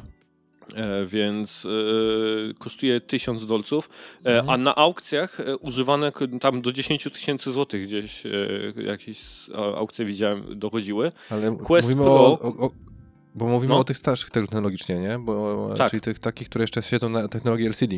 Tak jest. Dokładnie. Quest, y, Quest 2 sprawdzam sobie. Kosztuje w MediaMarkt na przykład y, 2800. Czyli powiedziałbym porównywalna gdzieś tam e, cena. Więc ten, a ten Quest Pro, który jest tak naprawdę skierowany, nie jest skierowany w ogóle do e, segmentu e, gamingowego. On jest bardziej skierowany do no to ma być dalej te rozszerzenie tej metaversum, nie? To, co Zuckerberg e, ciśnie Tak, ile mamy może. nogi. Przy... Tak, więc właśnie, właśnie bez nóg. nie no, tam będą nogi. A, I ten Quest Pro właśnie jest bardziej do tej pracy wirtualnej, do wirtualnych tam ekranów i tak dalej, tego wszystkiego Mhm. gdzieś zrobione. On kosztuje półtora kob, e, kobla tak naprawdę. E, no ale właśnie, jeśli chodzi o technologię, to PSVR 2 e, jest pod wieloma względami, no na pewno Oculusa dwójkę bije e, na, na głowę, e, szczególnie ekranem, tak? No tutaj mamy OLEDa i eye tracking, to są takie dwie rzeczy, które zdecydowanie po prostu gdzieś tam wygrywają w PSVR dwójce. Od indeksa, e, chociażby gdzieś to, że nie trzeba tych e, towerów stawiać, tak? Czyli tych e, w indeksie nie wiem czy wiesz, ale Mhm. trzeba postawić Tak. te takie ciulstwa gdzieś tam w pokoju i tak dalej. Pamiętam jak to rozstawiali e, w studiu, w którym gdzieś tam pracowałem e, po pokojach, żeby to wszystko gdzieś tam funkcjonowało. Jest ten field of view też większy, a to akurat na indeksie. No ale tak, eye tracking e, to jest na pewno coś, co e, te gogle wyróżnia od Sony. No i też trzeba powiedzieć, że są te kontrolery dwa, nie? Są dwa kontrolery z tymi tak jakby z tą techniczną częścią DualSense'ów, nie? Bo tam i heptyka i te wibracje w ten sposób tak samo Mhm. działają jak w DualSense, więc dostajemy tak jakby dwa pady te VR-owe e, z tą technologią. No i takim chyba kończący argument tej ceny, to ja właśnie sobie tak wyrzuciłem tutaj tweeta od pana Williama R. Aguilara, Aguilar chyba wydaje mi się, to jest analityk, jeden z analityków takich biznesowych na Twitterze, e, który pisze tak, e, PSVR 2 kosztuje tyle samo, co PSVR, po dodaniu, że trzeba było kupić osobno kontrolery ruchu i kamerę do PS4, które nie zostały dostarczone w zestawie na premierze. Więc jak sobie, jak to już gdzieś człowiek zrozumie, że tak naprawdę te gogle, które są o niebo lepsze i technologicznie znacznie bardziej zaawansowane niż tamte stare gogle, kosztują praktycznie tyle samo, co tamten sprzęt, który był potrzebny do, do pełnego grania, to ta cena już nie robi się taka dziwna. E, więc ja bym nie powiedział, żeby cena była jakaś zbytnio przesadzona. E, no ale ty, wiesz, my obaj rozumiemy, jak ten świat gdzieś tam się porusza, jak wygląda. E, Nie, wiesz, ja sobie zobaczyłem technologicznie, co jest w środku. Zobaczyłem tak de facto, że płacisz za dwa pady. No. E, wiesz, to nie jest jeden do jednego pad DualSense e, do PS5. no nie, nie, nie, no. Ale nawet jakby odliczyć dwie stówy za, za sztukę, nie? Złotych, no, No. to e, wiesz, licząc na to mamy już co, 2200, 2400. E, Więc- Gdzieś w tych, w, tych, w tych zakresach. Dodatkowo Tak. mamy jeszcze e, z tego co rozumiem e, OLED, który jest też bardziej przyjazny e, dla oczu, jeżeli Mhm. chodzi o alternatywę. Więc powiem ci tak, mm, jeżeli to jest dobrze zbudowane, a mam, odnoszę wrażenie po tym, co czytałem i co, co widziałem, że jest dużo bardziej komfortowe, Mhm. E, no to to jest kolejna iteracja. To nie jest jakby upgrade, że zmienili e, nie wiem, uchwyt na czoło, czy uchwyt na uszy, Tak. czy słuchawki, czy cokolwiek innego. Oni po prostu poszli ro- robiąc alternatywę. C- Z czym można dyskutować? Dyskutować na pewno można z tym, że no nie podłączysz innego urządzenia do PS5. Więc to jest jakby, No. jeżeli chcesz VR-a, to nara, tyle płacisz, koniec, nie? Bo jakby nie ma Mhm. alternatywy, nie masz innych możliwości, nie? Mhm. E, sprzętowo pewnie, e, znając życie, to da- da, radę, aczkolwiek wstrzymam się do momentu, w którym albo ty, albo sąsiad, który to już kupił, e, mnie nie zaprosi, e, żeby sobie faktycznie e, w tym pochodzić e, i pooglądać rzeczy i O, powymiotować. masz sąsiada gdzieś w bloku, który kupił tę VR dwójkę? No, Spoko. przyznał się. Powiedział, że dużo. I Zanim zdążyłem mu odpowiedzieć, powiedział, kupiłem. E, nice. no, nie, w sensie zakładam, że ty kupisz jako pasjonat. Dla Znaczy tak, to- wiesz co, ja e, ponieważ zakończyłem mój etap poszukiwania pracy, więc e, wróciła nadzieja na to, że jednak e, ten VR się pojawi szybko. Bo tak, ja do pierwszego VR-a dołączyłem dosyć późno. Ja go kupiłem, nie wiem ile to było, dwa lata temu? Trzy, trzy lata temu, nie pamiętam kiedy mojego, mój headset kupiłem. Jestem im absolutnie zachwycony. Mimo tego, że miałem na głowie i Questa dwójkę i znacznie lepsze Mhm. gdzieś tam te gogle i grałem w Half w Alex grałem e, e, na, na tym, na indeksie i widzę jakościowo, że te headsety gdzieś tam te PC-towe są, są fajniejsze, to jak samego tego grania w VR-ze jestem zachwycony, to uczucie jest tak, tak fajne po prostu i tak, grafika mogłaby być gdzieś tam lepsza, rozdzielczość, więc jeżeli to wszystko gdzieś tam zostanie poprawione, to ja będę bardziej niż gdzieś tam e, szczęśliwy. Ale tak, e, mamy dwa pytania właściwie, które są dosyć bardzo podobne do siebie, bo, ponieważ po pierwsze Michał Stelmaszewski zapytał nas, e, dlaczego nie warto oddawać nerki za PSVR 2. Ja mogę na to odpowiedzieć. Nie ma takiej rzeczy poza rodziną, dosłownie. W, rodzinie warto oddać nerkę, nie? W sensie e, to jest jedyna logiczny, logiczna rzecz. Po drugie, idąc trochę dalej, e, to jest bardzo fajne. Trzeba sobie, to jest dobro luksusowe. To, jest, to nie jest rozszerzenie konsoli, to nie jest obowiązkowa rzecz, Mhm. więc trzeba sobie zadać jedno głupie pytanie, które e, chyba Samcik zadawał wielokrotnie na swoim podcaście, czyli zastanówcie się, ile czasu pracujecie na to, żeby wydać 2800 zł. Jeżeli to was przedźwiga, to nawet nie zadawajcie pytania, czy warto, czy nie warto, po prostu tego nie róbcie, nie? To, to, yy, na serio, to nie jest... Ciekawe, nie znałem takiego podejścia, takiego No modelu. nie, bo wiesz, większość wypadków yy, to... Dobra luksusowe traktujemy zupełnie w inny sposób. To nie jest inwestycja. Ta inwestycja się nie zwróci w kontekście wiesz, finansowym, to daje przyjemność, ale sama konsola daje przyjemność. I trzeba też patrzeć na to, że ilość gier i ilość czasu, jaką możemy spędzić w VR-ze jest różna od na przykład możliwości grania na konsoli. Więc to jest jakby inaczej do tego sprzętu e, podchodzimy, więc ja bym tutaj dużo bardziej racjonalizował e, w kontekście tego. Po pierwsze, e, u kogoś to sprawdzić, dosłownie. Zanim kupicie kota w worku za 2800 zł, pójdźcie do kogoś i to sprawdźcie. To jest najważniejsza chyba rzecz, którą, którą mogę No, tym bardziej, że jeżeli nie mieliście gogli VR na głowie, to zdecydowanie trzeba najpierw gdzieś to się pobawić i sprawdzić u kogoś, bo różne organizmy na to reagują, nie? Mhm. Ale No i wiesz, teraz ja- właśnie, Ja, jeszcze odwrócę to pytanie. Nie- Na chwilę obecną, ani chyba ja, ani ty, może się ze mną nie zgodzisz, nie jestem w stanie stwierdzić, czy warto w ogóle kupić tego, bo nie No. przetestowaliśmy, prawda, na tej zasadzie. Na razie to jest po prostu e, patologiczna e, marketingowa papka, która nam została sprzedana, którą troszeczkę tak łykamy jak Cyberpunka 2077. Nie mówię, że ten sam kasus, ale e, ja jestem Ale może takich być, sytuacjach, nie? Wiesz, no. Tak, ale chodzi o to, że poczekajmy na premierę, nie róbmy preorderów, jeżeli to jest Mhm. faktycznie, wiecie, jeżeli nie jesteście jakimś e, znanym youtuberem, influencerem na TikToku czy cokolwiek innego, że wam to się zwróci, bo pokażecie się jako pierwsi na, e, na streamie lub na czymkolwiek, to po prostu poczekajcie, aż ktoś to zrobi za was, nie? I faktycznie to pokaże. Bruczewski akurat z Galengradu, który jest autorem drugiego pytania, uderza gdzieś tutaj w dobry, tak jakby dobrą podpowiedź do również do pytania Michała, bo Bruczewski pyta a propos PSVR 2, czy z waszej perspektywy biblioteka gier dostępnych na jedynkę, przepraszam, na pierwsze gogle, byłaby wystarczająco dobra? Czy spełniała swoje role, sprzedając sprzęt i technologię VR potencjalnym zainteresowanym? No I teraz tak, z perspektywy osoby, która doszła do tych gogli po latach, e, kiedy one już były trochę na rynku, tam już nawet Sony zdążyło się pochwalić chyba tym 3,5 miliona sprzedanymi, e, sprzedanymi gdzieś tam hełmami, to ja jestem bardziej niż zachwycony moim zakupem tych gogli. E, ciągle jakąś tam grę ogrywam sobie na goglach, e, z każdej gdzieś tam e, się, się raduję. E, były tytuły, które robiły niesamowitą robotę. Ja nawet kupiłem ten Aim Controller i Firewall Zero Hour, to jest ta strzelanka e, online e, w VR-ze. To jest genialny tytuł. Naprawdę to, ile tam było zabawy z, z tym kontrolerem do strzelania w ręce, z tym pistoletem, który się, się miało, niesamowite. E, przegenialnie się w tym bawiłem, a w ogóle się nie spodziewałem, że będzie to aż tak dobre i rajcowne. No Man's Sky sprawdzony w tych goglach przeze mnie, to również jest totalny odpał. Ja nie wiem, czy No Man's Sky będzie przygotowany na VR 2 e, na premierę, na razie o tym nie słyszałem nic, natomiast na pewno upgrade jakiś wyjdzie, bo Hello Games to po prostu nie potrafi tego tytułu odpuścić i oni chyba będą go do końca świata tak naprawdę gdzieś aktualizować i rozszerzać. E, Więc e, tak jak cały wszechświat się rozszerza nieustannie. No ale dobra, mniejsza z tym.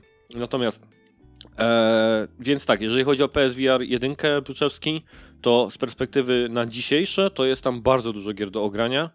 Oczywiście czy kupno jedynki tych gogli, kiedy nadchodzi gdzieś tam dwójka, no to jest dosyć, bym powiedział, tr- trudne pytanie. że czy teraz te gogle gdzieś tam pierwsze jeszcze kupować, wydaje mi się, że już jest troszeczkę późno. A, ale tak, dlaczego mówię, że te pytania się z sobą łączą, bo biblioteka, która jest przygotowana na te na premierę obecnie, z tego co wiemy, nie jest zbyt pokaźna. Sony się pochwaliło, że jest tam 20 tytułów niby szykowanych na premierę, natomiast z tego co popatrzyłem sobie po tytułach, to nawet widząc zapowiedzi, same zwiastuny na kanale PlayStation, byłem zdziwiony, bo to są rzeczy, ja bym powiedział 3 czwarte z tego już na Questie dwójce działa i są to gry po prostu z Questa e, upgrade'owane, e, więc one ani nie będą wykorzystywać specjalnie, bym powiedział, mm, gogli, tych technicznych aspektów jakoś tam mega, mega, mega mocno. Może będą troszeczkę lepiej wyglądać, troszeczkę lepiej działać, ale na pewno nie będą jakieś tam systemy, system sellerami. E, Takie gry jak Beat Saber, które są absolutnymi hitami, nie widzę, żeby były potwierdzone. Super Hot na przykład też e, nie widziałem żadnego gdzieś tam potwierdzenia na to, czy będzie portowany na te gogle. Jest Horizon, e, Call of the Mountain, który wydaje się być takim no, jedynym, takim faktycznym system sellerem, na który te gogle gdzieś tam, który sprawdzi te gogle tak jakby gdzieś tam i, i pokaże, co one, co one potrafią. Więc e, Michał, odpowiadając na Twoje pytanie gdzieś tam pokrótce, to powiedziałbym, że to. To jest taki element, który w całej tej układance mnie martwi, że ten line-up na premierę nie jest zbyt e, rajcowny i, i, i ciekawy. E, jest może jedna gra, właśnie, która jest takim y, must have'em, must kupnem, ale nie ma ich kilku, na przykład różnorodności czy, czy, czy wyboru. Więc ja bym powiedział, że to jest coś takiego, czym bym się martwił. E, i takim sygnałem, że jednak może troszkę warto poczekać, zobaczyć jak będzie wyglądało wsparcie e, tego, bo Google same w sobie mogą być dobre, ale ciekaw jestem jak bardzo będzie to wspierane przez deweloperów i, i studia, e, które to robią. A tutaj warto dodać jeszcze, tak na marginesie, że obecnie Facebook, czy tam Meta teraz, skupuje VR deweloperów, bo zarówno Ready at Dawn, jak i Ilphonic to są firmy, które ostatnio robiły całkiem niezłe, niezłe tytuły VR, są skupywani przez Metę. e, I, i są, stają się ekskluzywnymi studiami pod gry na, na mecie, więc y, nie wiem jak będzie po prostu ze wsparciem. I to jest taki znak zapytania e, e, tych, tych VR-owych gogli od, od PlayStation z mojej strony. A, ale i co to może zmienić? Half-Life Alyx. Jak Sony jakimś cudem dogada się z Valve, żeby na przykład na premierę albo w- nie wiem, w pierwszym miesiącu pojawił się Half-Life Alyx na tych goglach, to ruszy sprzedaż. I, I to wtedy będzie tak naprawdę te, te Alyx sprzeda tak jakby gdzieś tam e, te gogle i potem to już wszystko się potoczy gdzieś tam samo. Więc to tyle e, z tych pytań. E, lecimy dalej, Bartek? Czekaj, myślę, pokazuję czołg. Czołg? tak, pokazujesz, że, że się nie stanie. No, Gabe się już od, od, od ten, od obrażał, już nie jest obrażony na Sony i oni tam współpracują razem, więc nie byłbym zdziwiony, jakby się. no ale wiesz, to jest tak de facto tytuł, który robi furorę e, na, na ich VR-ze, nie? Który się już teraz nie sprzedaje za bardzo. Indeksy zostały trochę gdzieś tam trochę w, w tyle, jeśli chodzi o sprzedaż. Wydaje mi się, że Valve teraz znacznie więcej e, zarabia ze Steam Decków i, i ze sprzedaży, ze sprzedaży tego sprzętu. I moim zdaniem mm, ja bym tego nie wykluczał, że Alex się pojawi na innych goglach niż, niż, niż, niż e, Index, a PSVR z tym możliwościami e, tak dalej powinno być takim dobrym kierunkiem. Więc ja bardzo mocno trzymam kciuki, żeby ten Half-Life wyszedł z, z Indexa też na, na dwójeczkę, na VR-y. Um, dobra, lecimy dalej. Następne newsy mamy raczej takie krótkie. Wydaje mi się, że nie będą tak, to, tak, tak długimi dyskusjami. Pierwszy bardzo ciekawy news, który już troszeczkę gdzieś tam w sieci występuje, ale mnie akurat ucieszył mocno. E, albowiem każdy manual z gry e, PS2 został zeskanowany i zachowany w, e, w, 4, w jakości 4K. E, użytkownik Reddita i konserwator gier Kirkland, pisany z jedną jedynką i czwórką w niku, poświęcił czas na zeskanowanie i przesłanie każdej instrukcji gry z PS2 w formacie tym NTSC, czyli tej amerykańskiej wersji, e, który każdy może łatwo pobrać i zupełnie to wszystko jest za darmo. Czyli stworzył bibliotekę wszystkich manuali zeskanowanych w wysokiej rozdzielczości, którą każdy może sobie ściągnąć. E, jak sam pisze, celem jest podniesienie świadomości na temat e, działań na rzecz ochrony gier. E, tak wiele gier dorastających ukształtowały sposób, w jaki patrzyliśmy, doświadczaliśmy świata. Więc bym powiedział horrendalny ruch z tego gościa, e, że to wszystko gdzieś tam udało mu się e, zrobić. Z tego co tam czytałem, to on nie tylko te gry kupował, ale też pożyczał, gdzieś tam prosił, żebym mu wysłać jakieś tam e, kopie wyjątkowe i tak dalej, bo e, na przykład w tej bibliotece są e, manuale na przykład z e, Crash Nitro Kart, ale z różnych wersji. Tak, czyli jak ta gra wychodziła na przykład wersja e, tam Day One, wersja Platinum i tak dalej, to one wszystkie są zeskanowane, więc tu nie chodzi tylko o jeden tytuł, tylko zupełnie naprawdę wszystko, co wychodziło na PS2 jest zeskanowane, a więc duże brawo ode mnie dla tego pana. E, Bartek, czy ty masz coś do dodania do tego newsa? Znaczy, ja mogę tylko dodać tyle, że mam nadzieję, że go e, wła- e, własność intelektualnie nie kopnie w dupę. Myślisz, że no, No nie, w sensie wiesz, ja... na pewno jest jeżeli- to ty, no, To jest naruszenie własności intelektualnej, żeby nie było. E, On nie może udostępniać czegoś, co było częścią pakietu sprzedażowego w ramach płyty, bo to jest mniej więcej tak jak wiesz, wyciągnąć sobie i to sprzedać osobno. Każda z tych rzeczy, na przykład ja, pamiętam... ale on tego nie sprzedaje. Czekaj, właśnie, Nie, bo chciałem nie może teraz- oddawać, nie może rozdawać, sprzedawać, nie możesz przekazywać nośnika cyfrowego, nie możesz, w sensie, na tym polega własność. Ja wiem, że tu się e, na tej samej zasadzie, że ktoś mówi, że jak kopiuje MP3, to to już nie jest ta sama rzecz, bo to jest kopia, więc tak naprawdę nie kradnie tego, e, więc torenty są pełne takich ludzi. Nie chcę, nie chcę się z tym dyskutować na razie, bo to nie jest przedmiotem. Mówię o moją obawę. Czyli w tym momencie, wiesz, jak masz wielokrotnie, pamiętam, jak kupowałem kolekcjonerki. Na przykład kupowałem kolekcjonerkę e, Killzona trójki. Pamiętasz tą czaszkę Helgastów, ten No. no. którą nie stoi? Tak. Każda z tych rzeczy była podpisana, nie może być sprzedawane e, ani w, ogóle rozdzielane z bandla, nie? czyli z tego pakietu, z pakietu. Nie? I tak samo, z tego co rozumiem, nadal to jest zachowane, bo to wcześniej było niejasne w latach 90. E, Na przykład w Polsce to było bardzo niejasne. Były sprzedawane wersje z hologramem i bez, jeżeli chodzi o kasety na przykład. I, Nie no, w e, Polsce do- to w ogóle nie było praw autorskich e, w latach 90.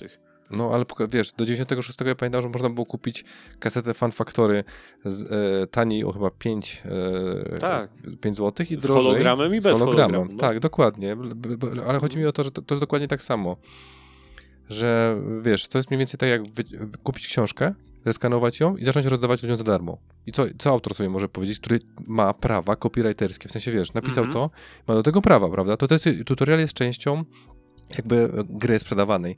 Więc moja obawa jest taka, że w tym momencie, skoro zrobił to Sony, a Sony nie należy do małych firm, to mogą mu powiedzieć albo fajna robota, Zrobił to wszystkim, bo to nie są tylko gry Sony. Zrobił to Capcomowi, Konami, Square i tak dalej, bo to są gry nie tylko i wyłącznie Sony, nie? Tylko wiesz... Dobra, ale jakoś nie, nie sądzę, żeby kapką się. Ba- Bardziej mi przychodzi Sony do głowy, że to może zrobić. Wiesz, jakby to było czemu. Nintendo, jakby to były manuale z Nintendo, to Tak. Nintendo by tam już FBI wysłało, nie? Wiesz, Znaczy Nintendo by mu, wiesz, jakbyś zaczął skanować te wszystkie rzeczy, to skaner by się przeobraził w tego, w, w grubego Bowsera hydraulika. Albo ja, i powiedział ten, it's me, Nintendo. E, więc wiesz, tutaj No. zupełnie inna sprawa. Dlatego trochę się obawiam o to, ale mówię, ja, to- ruch mi się podoba. W sensie, z jednej strony podoba mi się, bo idea jest fajna, żeby faktycznie dziedzictwo nie zniknęło, natomiast to jest to takie naruszenie, że może on ma zgodę i trochę, wiesz, fantazuje w złą stronę, że dogadał się z tamtymi wszystkimi firmami, które, które skanował i super, nie? Bo mówimy tutaj Wydaje, o wydaje mi się, że nie. Ja w ogóle nie pomyślałem o tym, e, for, o tym prawnym aspekcie tej historii, bo się zajarałem tym, że po prostu gościu wpadł na taki pomysł e, i zrobił gdzieś tam taką fantastyczną rzecz, ale faktycznie masz, masz rację, bo to nie chodzi tylko i wyłącznie, że on to nawet nie pieniężnie gdzieś tam nie sprzedaje i nie, nie, nie ma korzyści, to jest dalej po prostu udostępnienie dalej Mhm. e, czegoś, co jest własnością intelektualną Tak, a manual tam marki. najprawdopodobniej zawiera też grafiki. E, na przykład Mhm. grafiki, nie wiem, okładkę, e, czy cokolwiek innego, które też Tak, postacie w środku manu- malowane, nie? No, I tak dalej, bo wiesz- to czasy PS2 to jeszcze manuale wyglądały lepiej, nie? Niż tam Mhm. na PS3 Tak, tak. tak, tak, tak, tak, tak. Więc ja ja mówię, ja jestem, też mam e, obawy, e, wiesz, serce mówi e, good job, fajna pasja i w ogóle, natomiast co mi mówi rozum? Że wyobraź sobie, Mhm. że ten facet to rozda za darmo, albo zachowa to za darmo. I na 100% na świecie są ludzie, którzy jak coś jest za darmo, będą próbowali to opchnąć. E, a to już leci w paserkę, czy tam inne elementy takie, wiesz, nie, ja nie chcę o tym konfabulować, po prostu życzę mu, żeby zrobił to zgodnie z literą prawa i nie musiał się martwić, e, że jego pasja zostanie pociągnięta do odpowiedzialności karnej. No, to zdecydowanie tak. To też y, trzymał kciuki, żeby się tak nie wydarzyło. Um, dalej lecąc. E, Fallout 4 otrzyma aktualizację pod nowe konsole. Zupełnie tak z czapy bym powiedział, niesamowicie Bethesda ogłosiła, że Fallout 4 otrzyma e, upgrade do PS5. E, według wpisu na blogu na oficjalnej stronie Fallouta bezpłatna aktualizacja będzie zawierać tryb performance zapewniający wysoką liczbę klatek na sekundę, funkcje jakościowe dla rozgrywki w rozdzielczości 4K, poprawki błędów, a, a nawet dodatkową zawartość Creations Club. A więc i wrzuciłem tego newsa nawet, żeby nie pogadać tak bardzo o Falloutie, bo ja w czwórkę nie grałem, ja się zatrzymałem na To 3. 15. Ty grałeś 4? Jasne, że w, ka- znaczy w sensie e, grałem w każdy tytuł... e, 76 czyli- też grałeś? Dobra, grałem w każdy tytuł singleplayerowy. Może Okej. tak doprecyzujmy z serii Fallout, bo jestem wielkim fanem nawet Tacticsów, e, Mhm. których może nie, nie pamiętają większość ludzi mm, z naszych słuchaczy, Były, ale były, ja no. też trafiłem na to z Jagged Alliance. Nie bez powodu mi się to spodobało. E, I tuż, żeby powiedzieć, e, czwórka chyba jest do tej pory tytułem, który mi się najmniej podobał e, z całej serii. Mhm. E, i w nim najmniej czasu spędziłem, jeżeli chodzi o przyjemność, a zakupiłem go w 2015 roku bardzo blisko premiery, nie? Chyba nawet w day one, jak większość gier, które kupowałem wtedy, bo byłem zapalonym e, graczem na czwóreczkę na PS4, kupiłem 4 na, na PS4 i jestem bardzo zdziwionym, jak to można tak de facto już nawet nie odgrzewać kotlet, tylko po prostu przy, pa, Mietek, przynieś pan respirator i napieprzamy woltażem w tego tutaj e, umarłego królika, zrobimy z niego zombie, bo Stop, To- stop, he's already dead. tak, ja nie, nie, nie widzę sensu tego ruchu, bo po pierwsze Fallout 4, o ile się nie mylę, jest za frajer w PS5 e, Collection. Collection. No on PS chyba jest Plus, w tym katalogu kolekcji, no. I oni teraz rozdają to za darmo też dla tych ludzi? Czy Tak. nie? Tak, bo ta aktualizacja ma być bezpłatna dla wszystkich po prostu grających, więc to obojętnie No to- jaką masz kopię z Tak. czego. To powiedz mi, czy da się kupić play, tego Fallouta 4 jakoś drogo? Na przykład ktoś jeszcze by go kupił za 3,5 stów? Przy takich okolicznościach, żeby sobie Bethesda mogła zwrócić to, że trochę się nakopała z koniem, z jeżem, bo jeża w tym momencie reanimowaliśmy. Może być tak, że zatrudnili trochę nowych osób na przykład i na okres próbny dostali na przykład przygotowanie tej aktualizacji i... i Myślisz, i że na taka- Politechnice Śląskiej walnęli to na zaliczenie, tak? Na, no dokładnie coś takiego, więc może, no to mi się, może się... ja, powiem ci, to jest tak, e, w sensie nie widzę. No nie, na serio, nie widzę. e, Nie, nie, nie widzę tra, tra, tego. Tra, Biznesowego Tego, biznesowego, tak, sensu, nie widzę. tego- Where is the money? tego- Tomek, where is the money? tego, tego, tego, no ja bym też chciał wiedzieć nie, tego posunięcia. No ja też nie, ale Jezus, hej. już jeżeli- wiem o co chodzi. Oni obniżają wartość Bethesdy, żeby pokazać, że Modern Warfare 2 nie sprzedaje się dobrze, żeby pokazać, Eee, e, że jednak kupowanie tego Activision Blizzard ma sens z punktu widzenia Phila Spencera, który jest bardzo biedną osobą razem z Microsoftem i oni potrzebują cokolwiek kupić, żeby cokolwiek powstawało na ich konsolę. Nie? W sensie to ta druga część była sarkazmem, jakby ktoś nie chwycił, bo może się okazać potem, że ktoś to wytnie i wykorzystają e, w tym procesie, że jakiś mało No, ale to znany... wtedy nie byłoby aktualizacji na PS5 też, a jednak będzie. A mało tego, w ogóle Skyrim teraz wpada w tym, nie? W ekstra, tak? W tym, w tym, w tym tierze. Czekaj, tak, po, powiem ci tak. E, jak mi za niedługo wpadnie GTA 5 za darmo do tego No. tira, to stwierdzenie, no to, to już jest po prostu już przesada, nie? Dajmy im umrzeć. Naprawdę, to, w sensie z mojego punktu widzenia, po pierwsze Skyrim był zajebistą grą w 2010 roku, jak ją przechodziłem Mhm. i palił Dzisiaj mi komputer strasznie. W sensie nie, nie wróciłbym do niego drugi raz. To nie jest gra na tyle fajna teraz, żebym wrócił. Fallout 4 w 2015 roku był ciekawą grą. Nie był wybitną grą. To nie był New, New Vegas, który, e, po którego mógłbym sięgnąć drugi raz. Nie ma tego, mm, wiesz, z mojego punktu widzenia tego wyróżnika, nie? Tak jak Mhm. mogę powiedzieć na przykład, gadałem dzisiaj z, z kumplem odnośnie Horizona, nie? Najnowszego.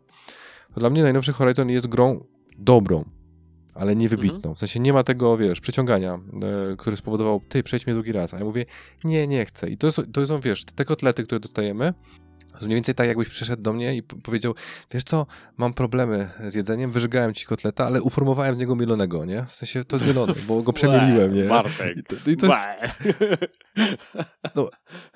jedyne, co mi się pojawia w głowie, to jest pytanie, kurwa, po co? No dosłownie, kurwa, No ja po też co? się zastanawiam, po co ty o tym gadasz? Nie, nie, ja To mówię o grach. teraz- Ja od razu mówię o grach. Ja bardziej o tamtym. Em, natomiast jaki tytuł z PS4 powinien e, dostać podobną aktualizację? Bo tak się zastanawiałem, takie w głowie mam pytanie, że skoro taki Fallout otrzymuje aktualizację pod PS5, to czy jest jakiś inny tytuł, na przykład, z który grałem, któremu taka aktualizacja by się przydała? Ja mam jeden, który też powinien się pojawić na twojej liście, więc dam, żebyś ty, ty, ty to powiedział. Szczerze? Jak, mam, jak sobie myślę, jeżeli chodzi o PS, gry z PS4, które jeszcze nie mają No. czegoś takiego, tak? No, Hmm, no to większość już chyba dostała. Jak dam tak ci patrzę. 3 sekundy. Dam ci 3 sekundy do namyślenia, bo to jest aż dziwne. Raz. Nie, nie, w sensie mów, bo nie, nie, nie chcę. Nie, nie, nie. Bloodborne. nie. Bloodborne dalej wisi na 30 klatkach ze spadkami e, i z takimi tam różnymi gdzieś tam problemami, jeśli chodzi o, o, o pacing, więc e, ludzie się domagają tej aktualizacji pod PS5 w Bloodborne już od dłuższego czasu. Natomiast ty nie chcesz? Czemu nie, Nie, chcesz? szczerze nie. Bo sobie będziesz musiał drugi raz zagrać, tak? Jak się pojawi. tak, tak. To, to, to, to jest, jeżeli by mi wypuścili.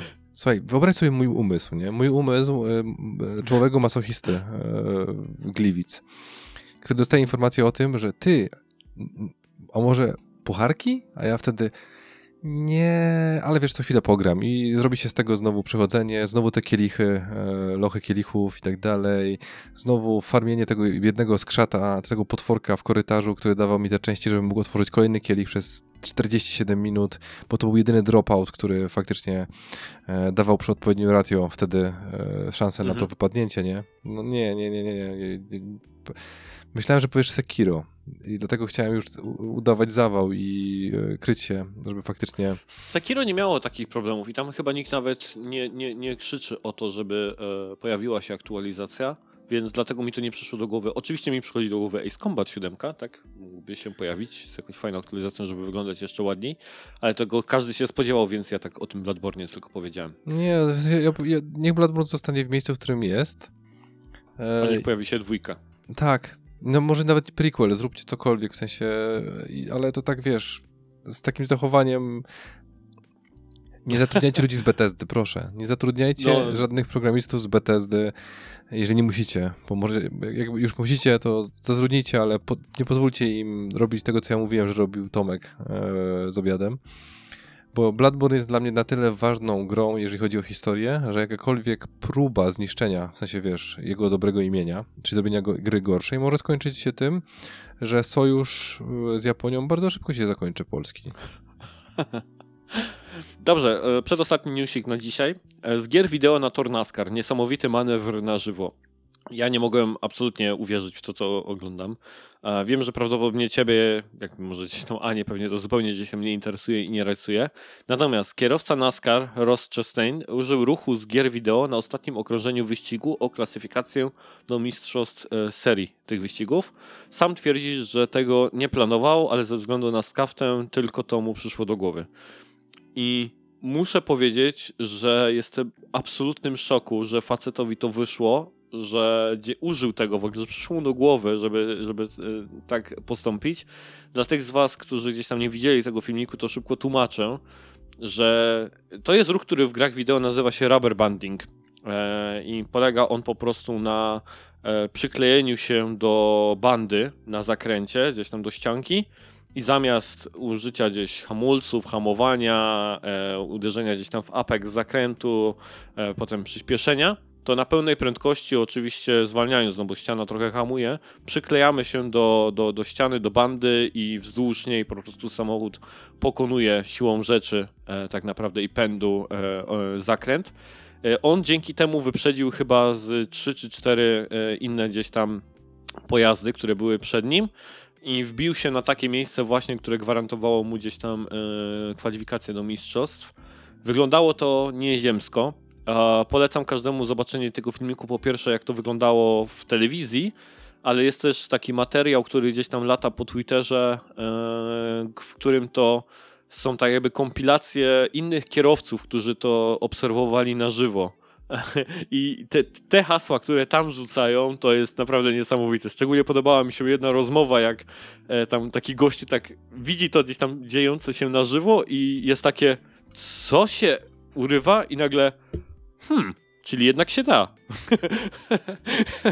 tak, fa- tak fajne takie stwierdzenie jest gościa, więc a, polecam bardzo gdzieś to do zobaczenia.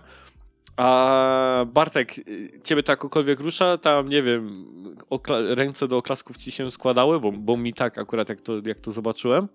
E, Nie wiem, czy ty masz jakiekolwiek emocje z tym związane się pojawiły u ciebie? Próbowałem w Gran Turismo piątce to robić. Czasami Mhm. mi zabierało punkty e, za kolizję. I Tak, temu panu nie było te- zabrało punktów, to jest dziwne, ale to znaczy, że Gran Turismo jest lepszą, lepszym symulatorem niż rzeczywistość? Z tego wychodzi?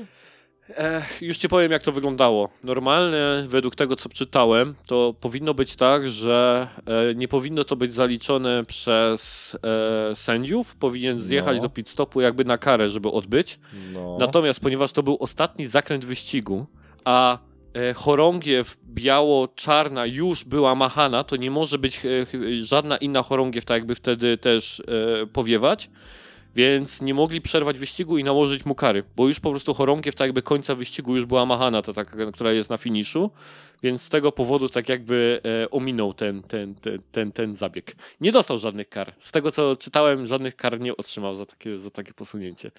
Ale fajnie też, bo inni kierowcy z całego świata tam jakby się do tego e, gdzieś tam odnosili. No między innymi Alf, e, e, Alonso, Alfredo Alonso tam z, z Formuły 1, e, kierowca wieloletni i tak dalej, się, się wypowiadał, że niesamowite, że, że gry wideo przechodzą gdzieś tam do rzeczywistości w taki sposób dzięki temu, dzięki temu ruchowi, a więc było to na pewno gdzieś tam e, fajne. Ja się zastanawiam, czy są jeszcze jakieś inne manewry z gier wideo, które potem, e, których jeszcze na przykład na żywo nie widzieliśmy, a mogłyby zostać użyte.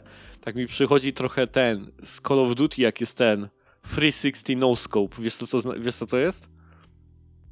Chyba Bartek? tak. tak, tak. Wyskakujesz tak. w powietrze, kręcisz Tak. się wokół własnej osi i ze snajperki bez tego, be, be, bez przybliżenia strzelasz. Więc może to zostanie gdzieś tam, Znaczy, pojawi się wiesz, gdzieś. Zawsze możesz podpowiedzieć Rosjanom, bo oni już tam tak beznadziejnie dupie, że mogą próbować rzeczy z gier już. O tak, no. To może tym się przynajmniej wykazał. Może choć ta rzecz im jakoś wyjdzie Znaczy, w lepiej, żeby im nie wyszło, nie? Ale wiesz...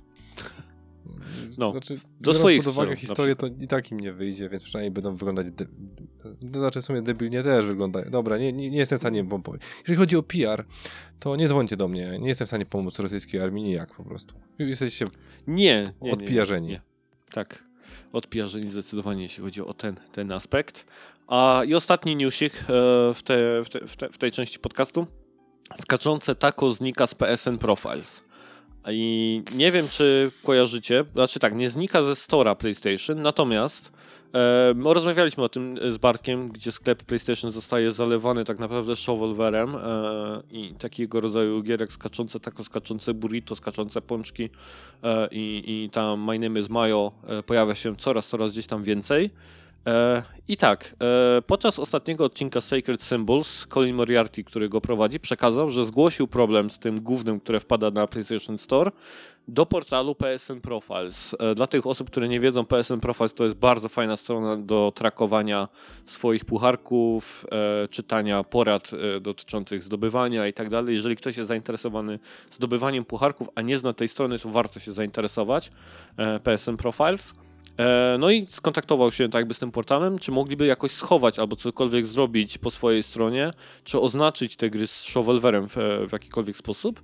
I surprise, surprise, e, portal odpowiedział po kilku tygodniach, że wprowadzono oznaczenie dla tych produkcji jako shovelware e, i można, i ja tutaj napisałem, że można je schować, ale ja sprawdziłem sobie jak to działa i one są schowane by default.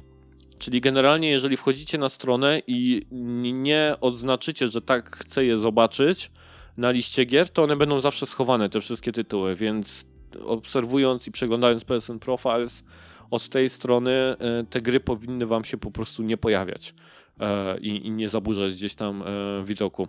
Więc jak sam portal mówi, że może dzięki temu po prostu zasięg tym produkcjom się zmniejszy i na to gdzieś tam wszyscy liczą, więc fajne posunięcie, warto narzekać i warto tego rodzaju tematy gdzieś tam podnosić. Tak z mojej perspektywy.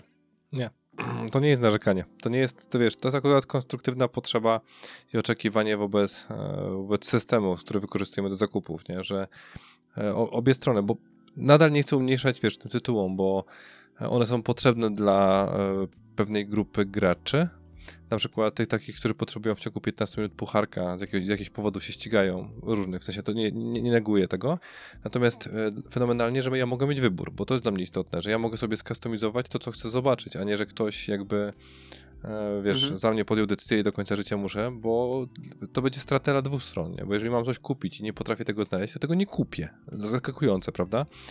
E, Jeżeli wchodzę e, do sklepu i widzę, że cały sklep jest zawalony rzeczami i wydaje mi się, że nie ma nic dla mnie wartościowego, to nie będę tracił czasu. Ja nie chcę chodzić po sklepie po to, żeby zwiedzać sklep, prawda? E, Mhm. Mój czas jest odpowiednio, że tak powiem, już teraz mam go mniej do końca swojego życia, niż miałem jak byłem nastolatkiem. Jezu, jakie my mamy takie stare, pierdzielowe ten, nie? Czasami... No, e, oboje jesteśmy starzy na tym podcaście, no, nikt młody nie chce z nami nagrywać, no, poza Ania nią. jest, Ania jest młoda, nie? Ale Właśnie mówię wiesz, poza nią. poza nią, no e, wiesz, bardziej chodzi mi o to, że e, ja widzę po prostu, to jest problem, który ja widzę od wielu, wielu lat. Wiesz, jaki jest problem z sieciami kablowymi w Polsce i różnego rodzaju tymi telewizyjnymi? Że jak chcę zobaczyć sobie e, ligę niemiecką, ligę hiszpańską, ligę włoską, angielską, to muszę mieć cztery sieci, nie? To nie jest nigdy Mhm. jedna, nie? Jakby nie, nie da rady tego kupić. Na szczęście jestem fanem siatkówki. Kiedyś było tak fajnie, nie? E, ale wiesz, żeby sobie po prostu złożyć pakiet sportowy i sobie oglądać. Tak samo jest tutaj. Jeżeli mam jedną konsolę i mam odpowiednie oczekiwania, to chciałbym, żeby trochę było jak w Netflixie, czyli żeby było profitowane pod kątem moich poprzednich i nie pokazuj mi tych, które mogą nie być interesujące, żebym nie tracił też czasu. A jak mam ochotę, wiesz, rozrywkę rzucić w innym kierunku, to sobie wyszukam ten tytuł, albo znajdę go w inny sposób, ale nie w sklepie, nie? Bo nikt nie ogląda recenzji w sklepie. Znaczy mało kto pewnie ogląda, bo wszyscy Mhm. wiemy, że raczej jesteśmy narażeni na podatność marketingową e, informacji, które są wrzucane, bo głównym celem sklepu jest sprzedaż. Ja wiem, wszyscy zaskoczeni w tym momencie, przepraszam. No, wszyscy teraz... Taki kur... spoiler, nie? Wam Jak to możliwe po prostu? nie ogarniecie. Kocioł normalnie, aż się dymi suszu. Powinniśmy robić jak ten, jak e, ekipa da, grupy filmowej Darwin. Zaczynać odcinek każdy od spoilerów. Jeżeli nie spodziewasz się, że można kupić coś w sklepie, to nie osłuchaj tego odcinka, nie? Powinniśmy takich, tak sobie je wyliczać. Więc wiesz, to są zupełnie innego rodzaju cele, ale to jest znowu pochodna podstawy rzeczy. To jest ruch w dobrym kierunku, to jest głos oddany w dobrym kierunku, ale to jest głos e, oddany za nas. W sensie za dwóch uprzedzonych ludzi do tych tytułów. Więc wiesz, tak jakby jesteśmy troszeczkę zaskakująco kolejne, uprzedzeni, więc może dla kogoś to będzie zła rzecz, ale skoro to można włączyć i wyłączyć, ja widzę tylko same plusy. Też, też tak uważam, że same plusy gdzieś tam z tej sytuacji, więc bardzo fajnie, że się na to zdecydowali. A ja może nagram w takim razie filmik e, i może Sony go zobaczy i też coś jakby gdzieś tam z tym zrobi. Dlaczego nie można filtrować PlayStation Store'a po PEGI e, i szukać gier w odpowiednim gdzieś tam wieku? E, to jest dla Ja wiem czemu. że tego nie ma. Bo Al, Al? no Peggy Al, PEGI w sensie, że gry dla żona Ala. tak? Mamy to. Dobrze. Tak, tak. To ja w takim razie idę się napić, robimy przerwę i za chwilę będziemy wracać z wolnymi wnioskami. Wolne wnioski. Okej, dobra, jesteśmy w dwójkę, Ania. I tak, y, ten Silent Hill wrzuciłem właściwie do odcinka też ten pokaz, bo jednak trochę osób pytało o to, co tam o nim sądzimy, co robimy i tak dalej, e, co tam się pojawiło. Ja nie jestem po prostu zbytnio związany z serią Silent Hill. Ja nie wiem, ty ogrywałeś wszystko, co w Silent Hillu się A pojawiało? skąd? A w życiu? Ja ogrywałam tylko... Dwójkę. Ja tylko dwójkę grałem. Nie, ja grałam coś tylko na, na PlayStation 3. Ale z, zaraz ci powiem, bo nie To pamiętam. może nie pojawił się ten The Room? Nie pojawił się na PlayStation? Down, downpour. Downpour. O Rezu. Downpour, to już w ogóle gdzieś tam poleciałaś dalej, bo... Tak, tak, tak. Bo, bo tak, bo był tak, był Silent Hill 1 i 2, e, e, potem trójeczka była i potem był The Room, nie? The Room. Tak. Ta, ta, tak, jeśli chodzi o te numeryczne właśnie części. Więc z tego powodu nie mówiłem nic tak jakby o tym Silent Hillu, bo mnie ta seria w ogóle gdzieś tam ominęła, no ale możemy pokrótce jakby gdzieś tutaj przypomnieć. Są też pytania od publiczności, więc lecąc szybko. Z tego, co było jakby gdzieś tam zapowiedziane, no to tak, pierwsza rzecz, Silent Hill 2 Remake, e, robiony przez Bla, e, Bluebera, e, wydawany będzie przez Konami, są zaangażowani tam e, twórcy tak jakby oryginału. Co ciekawe, z mojej perspektywy oczywiście, będzie to ekskluzyw na PS5 e, i chyba na PC, tak? To chyba będzie PS, P, PC i PS5. E, I zaangażowany w development jest XDev, co daje trochę nadzieję, bo XDev generalnie to jest taka jakby można powiedzieć super jednostka e, PlayStation Studios, e, która lata od e, produkcji do produkcji i gdzieś tam wspomaga od strony technicznej deweloperów e, przy, przy produkcjach, więc e, to jedno. Coś? Będziesz grała w ten remake? Czekasz na niego, Ania? Ja jestem troszeczkę zdziwiona, że oni nie zaczęli, nie zaczęli remakeować od jedynki. Mhm. E, No i tutaj w sumie chyba Wruczewski, nie? E, Jak ocen... Od razu zadał pytanie. Jak oceniacie szansę powstania remake'u pierwszej części? Co sądzicie o ewentualnych próbach rozwijania uniwersum, o gry z innych gatunków, jak choćby to miało miejsce przy Book of Memories na Vitem? E, Więc ja też w sumie nie wiem, czemu oni tą jedynkę jakby gdzieś tam nie ruszają. nie mam pojęcia, ja nie siedzę w tym uniwersum, nie orientuję się totalnie w, w tym, która z części jest popularniejsza, która jest lepsza, która jest fajniejsza, więc naprawdę trudno jest mi się tutaj jakoś arbitralnie wypowiadać. Na pewno dwójka jest taka, ma większy rozgłos, nie? To, to chyba, wiesz, wydaje mi się, że to jest bez dwóch, bez dwóch zdań. Jeżeli chodzi o taki gossip i rozmowy społeczności, to zawsze przeważnie mówi się o dwójce, e, jeśli chodzi o to. E, takim wskaźnikiem, dlaczego robią dwójkę, to może być po pierwsze to, tak jakby popularność tego, ale też to, że wychodzi film, nie? E, Return to Silent Hill, e, to jest właściwie trzeci punkt tutaj nam w moich notatkach. Film na podstawie dwójki, który gdzieś tam będzie też reżyserowany przez osobę, która też reżyserowała pierwszy film Silent Hill. Um, I y, modne jest teraz tak jakby cross-media wypuszczanie rzeczy, tak? Że pojawia się kinówka i gra, serial i gra i tak dalej. No to według mnie wypuszczają remake gry czy w niedalekim odstępie prawdopodobnie w kinach będzie leciał film, no i to po prostu gdzieś tam napędzi popularność jednego i drugiego gdzieś tam nawzajem, nie? No ale też mieliśmy film, film pierwszy, który bazował bardziej na jedynce i film ten, tę dwójkę nieszczęsną z Johnem Snow, y, Mhm. który bazował na trójce, więc brakuje tak na dobrą sprawę tego filmu bazującego na sequelu. Na sequelu. Mhm. Ja jestem w ogóle wielką fanką tego pierwszego Silent Hilla kinowego. Uważam, że to jest bardzo dobra ekranizacja. Czy Wiadomo, że tam jest dużo rzeczy dopowiedzianych, ale Mhm. to jest bardzo dobry film. I uważam, że Czy tam w jedynce było to, jak ten Pyramid Head ściągnął skórę jednym ruchem jak Tak. z laski? tak, To widziałem ten film. No Tak. fajny był. tak. I, i, I rzeczywiście ten pierwszy film uważam za jedną z najlepszych ekranizacji. Możecie mnie, że tak powiem, Mhm. ugryźć w tyłek, jak się ze mną nie zgadzacie, nie obchodzi mnie to. Ale y, tak, uważam, że to jest jedna, jedna z lepszych zaraz obok y, japońskiego filmowego Ace Attorney. Y, Wow, coś takiego powstało? Ace Attorney japoński? Tak, tak, jest film y, długometrażowy oparty o pierwszego Ace Attorney i to już jest w ogóle według mnie top peak ekranizacji y, gier komputerowych, znaczy w ogóle gier. Hmm. I uważam to za najlepszą, totalnie najlepszą i się nic do tego nie umywa i Nawet Mortal Assassin's Kombat. Masz. Przepraszam. Nawet filmy tego śmiesznego tam, jak on się nazywał. E, Uwe Bola, tak? Uwe Bola. Tak, Dead or Alive. For, for the, o tak, to był cudowny film, Dead or Alive. Um, znaczy ja, Więc fajnie, że No. wraca reżyser jedynki, bo jedynka akurat była filmem dobrym. no, widać, że gościu, jak tam był wywiad z nim, bo ja ten pokaz sobie oglądałem, to tak mocno zajarany był tym, że będzie nakręcił ten drugi film, że... No ale widzisz, też przypał zrobili z tym pokazem, tak? Bo wrzucili go od razu w całości. Chyba ktoś tam nie ogarnął, jak się robi Tak, premiery na YouTubie. No, no, no, no, no, no. Pamiętam, że miałeś straszną polewę z tego na Discordzie. Z tym, z tym, z tym, z tym, z tym, z tym, z tym filmikiem. Japończycy. No, tak. Ajajaj. Konami, wiesz, one, oni już dawno nic w gry, więc zapomnieli jak to się robi po prostu, nie? No, oni Można by ich było zaorać i postawić od nowa to całe Konami. no, oni tam te pacinko, to tamten.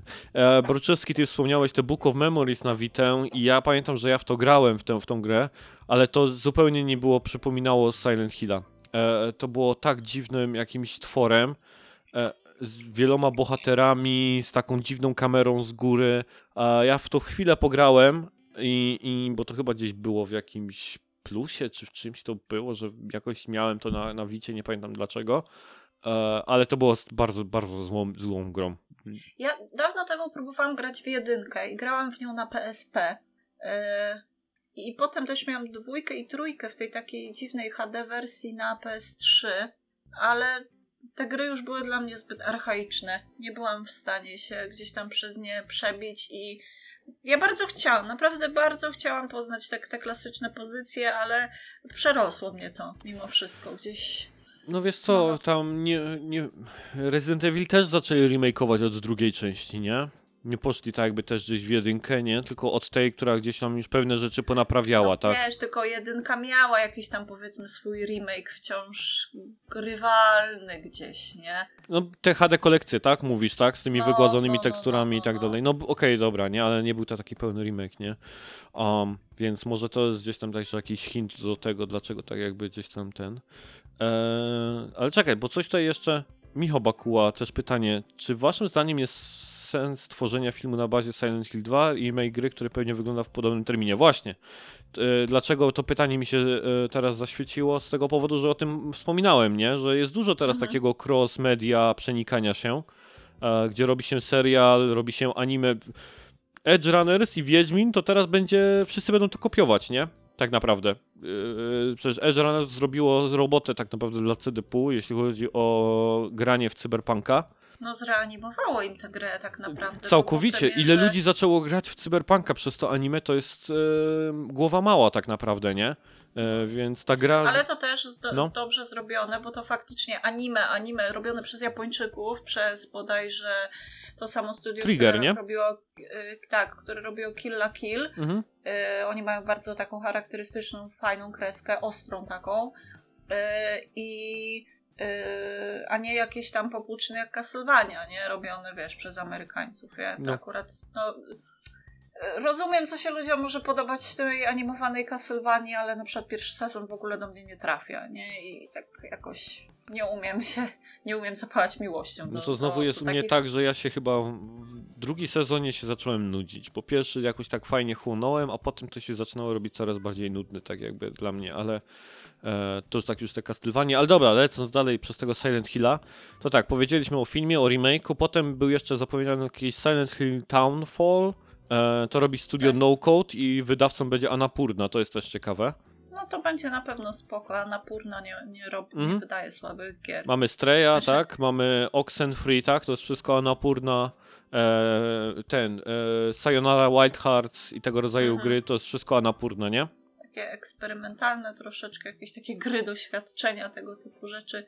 E, Dobrze im to idzie. Tak. Znaczy, Nie chciałabym tu wyrokować oczywiście, bo się okaże na premierę, czy to jest dobry tytuł, czy nie, ale ja jestem bardzo dobrej myśli. No, też tak uważam, że jeżeli Annapurna gdzieś tutaj macza palce, to przynajmniej wiedzą, że coś z tego będzie ciekawego. E, potem jakieś tam figurki, dioramy, oczywiście gdzieś tam tradycyjnie Konami w swoim stylu zapowiedziało. E, potem coś dziwnego, co się nazywa Silent Hill Ascension. I tutaj w ogóle strasznie dużo studiów tak jakby nad tym pracuje, bo jest jakiś Genvid, Bad Robots Games, Behavior i DJ2 e, nad tą grą pra- pracuje. Ja sobie trochę poszperałem, jeśli chodzi o te studia.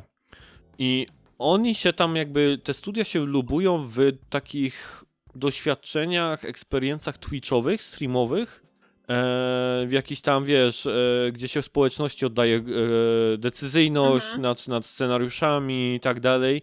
Więc wydaje mi się, że to będzie coś z tym związane. Że to będzie jakiś taki twór, jakiś taki produkt pod e, Coś jak te filmy z Berem Grylsem na tym, na wybierz lewo lub prawo. A Chcesz zjeść robaczka, czy może czczowniczkę? Tak jest, taki to takiej zasadzie. siusiasz majtki, czy jednak, wiesz, krzaczek. No. Więc e, wydaje mi się, że to będzie coś takiego streamingowego, jakiś taki połączonego ze społecznością ten, ten, ten tytuł. No i na końcu chyba taki, z mojej perspektywy chyba najciekawszy część tak jakby tego, bo coś, co nazywa się Silent Hill F. E, moim zdaniem to będzie piątka. Nie wiem, jak ty, co ty o tym sądzisz. Znaczy się Japończycy lubią dawać te takie dziwne e, F-ki, R-ki w tytuły i e, ja myślę, że ten tytuł po prostu już tak zostanie. No, nie będzie piątką, tylko będzie po prostu F-ką. No tak, The Room E. też było, nie? Czwórka się po prostu nazywała Silent Hill The Room, nie? E, Tak, tak, tak, tak. No, więc, ale dla mnie to F to jest taki, dobra, to będzie prawdopodobnie 5, nie? I tutaj mamy taki klimat, ja bym powiedział, to są te, ta gra mi trochę zapachniała tymi innymi horrorami, które nas, na, e, japońskimi, jak tam na przykład jest Rule of Rose, tak, było? Mhm. I tymi gdzieś tam takimi, ten e, Fatal Frame, No tak, były też te... Idziemy właśnie, tak, idziemy już w takie cięższe klimaty, te Fatal Frame, Rule of Rose. y, jeszcze było. y, Coś Siren, nie? Haunting, Haunting Grounds chyba było też taką dziewczyną, która z psem biegała.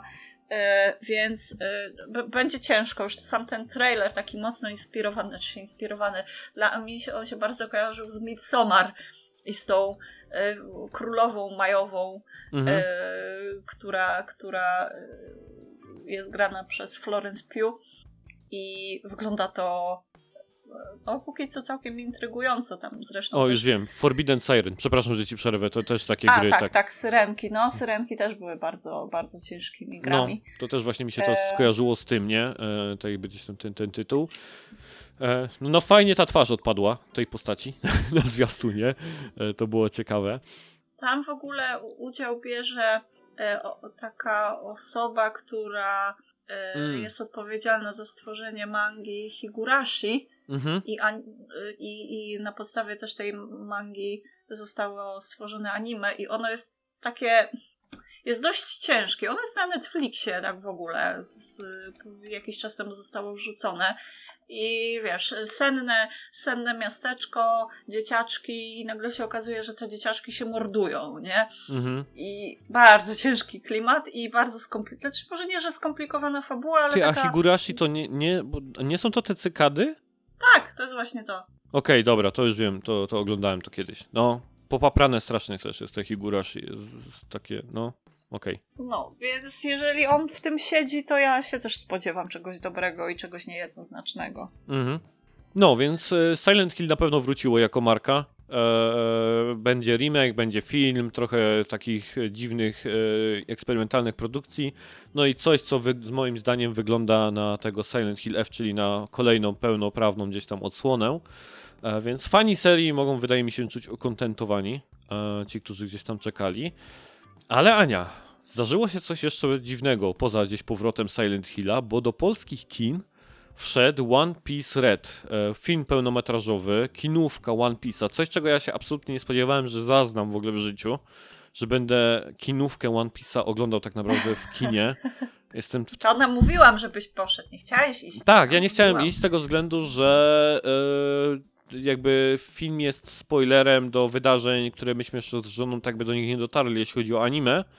E, które... Tylko, że on też jest taki niby kanoniczny, ale tak naprawdę nie do końca, jak wszystkie w sumie kinówki. Jak wszystkie nie? kinówki i m- z perspektywy e, mogę ci powiedzieć, że były dwa momenty, w których żona się na mnie spojrzała, że takie, że co?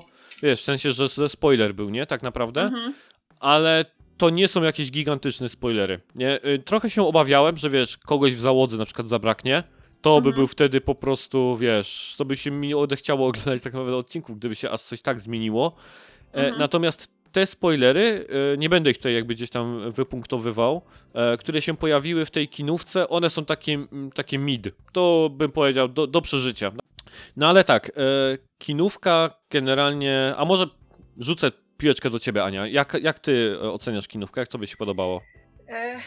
Ja najprawdopodobniej bym na nią nie poszła, gdyby mnie nie poproszono o recenzję, bo też rzadko chodzę do, do, do kina sama i w ogóle perspektywa chodzenia na animce jakoś. No, nie wiem, czy bym się zdecydowała pójść od tak po prostu. Pewnie też na Filmwebie scenariusz e, nie do, nie do poznania. Ej, w polskich kinach jest anime, co robimy? Nie mamy tego przewidzianego. w polskich kinach jest anime. Hmm, kto może na to pójść? Tylko Anna. E, Generalnie e, poszłam, nie żałuję absolutnie tego, że się na to wybrałam.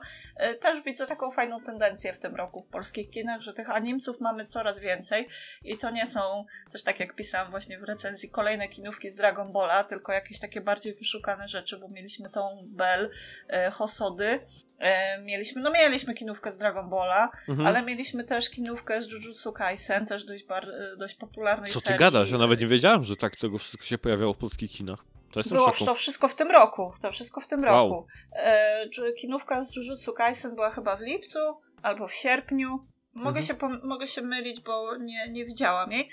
E, no, ale mm, premiera tego One Piece'a jest dość takim, powiedziałabym, istotnym wydarzeniem. To jest tak 15. Przygotowy, 15, 15 długometrażowy film, przygotowywany na 25-lecie serii. Mhm. E, To jest e, najlepiej sprzedający się film Tak. w Japonii w tym roku. Najbardziej dochodowy E, film One Piece'a. Ponad 15 Też, miliardów tak. jenów zarobił. E, pokonał gdzieś tam poprzedni film One Piece Z. Praktycznie dwukrotnie przebił e, tak zyski. E, z ten, ten film. E, Eiichiro Oda pełnił tutaj funkcję producenta i też trzymał pieczę gdzieś tam nad, nad produkcją. E, no, więc wymuskany ten film jest taki. Ja w ogóle też jestem w dość takiej dziwnej pozycji, jeśli chodzi o wypowiadanie się na temat tego filmu, bo ja no, jestem dość, dale, dość daleko, jeśli chodzi o, o, o oglądanie anime, w sensie daleko w polu. Mhm. Yy, ale yy, jestem taką osobą, która jak w coś się wkręci, to na przykład jeśli chodzi o anime, niespecjalnie się przyjmuję spoilerami i przekopuję na przykład Wikipedię i czytam po prostu artykuł za artykułem, więc pomimo tego, że jestem gdzieś na Skype'ie, a ARK, który jest, to są okolice 180 odcinka anime, O Jesus! o matko! No, to dobra. ja się orientuję w tych wydarzeniach, głównie też przez to, że gram w Muso każde kolejne, które wychodzi A to z tak. One Piece'a. E, Więc ja te wszystkie, może nie, że wszystkie postacie ogarniam, ale jestem w stanie gdzieś się w czasie umiejscowić, kto kim jest, z Mhm. czego wynikają pewne wydarzenia, e, układy sił i tak dalej. E, Nie czułam się mimo wszystko zagubiona na tym filmie, bo trochę się tego bałam, że pójdę i się pogubię, ale nie. miarę wszystko ogarniałam, wiedziałam z czego się biorą pewne, pewne rzeczy, dlaczego wszyscy się nienawidzą. I, i, i, A te też jest fajne nagromadzenie ciekawych postaci, nie? Bo tutaj w tym filmie bardzo dużo się pojawiło e, i z marynarki, i takich postaci, które gdzieś tam były mniej, bardziej znane. E, tam oczywiście Cody, e, całe tam CP, CP tam 9 i tak dalej, CP9 Tak, tak, się tak, pojawiło, tak. więc trochę takich postaci, No, które... ten Blu- Blue, no taki w ogóle wzięty, w ogóle znikąd się pojawia. Tak, E, no. ten obecność, ki, obecność Kizaru mnie bardzo, bardzo zdziwiła. Mhm. E, I pamiętam, jak mnie strasznie w grach denerwował tymi, tymi atakami świetlnymi. Mówię, o nie, co się będzie działo, jak tutaj Kizaru jest. Nie no, No, no, bitka po prostu. no, E, więc e, troszeczkę się bałam tego, czy się odnajdę, ale nie żałuję. Jestem zachwycona tym filmem.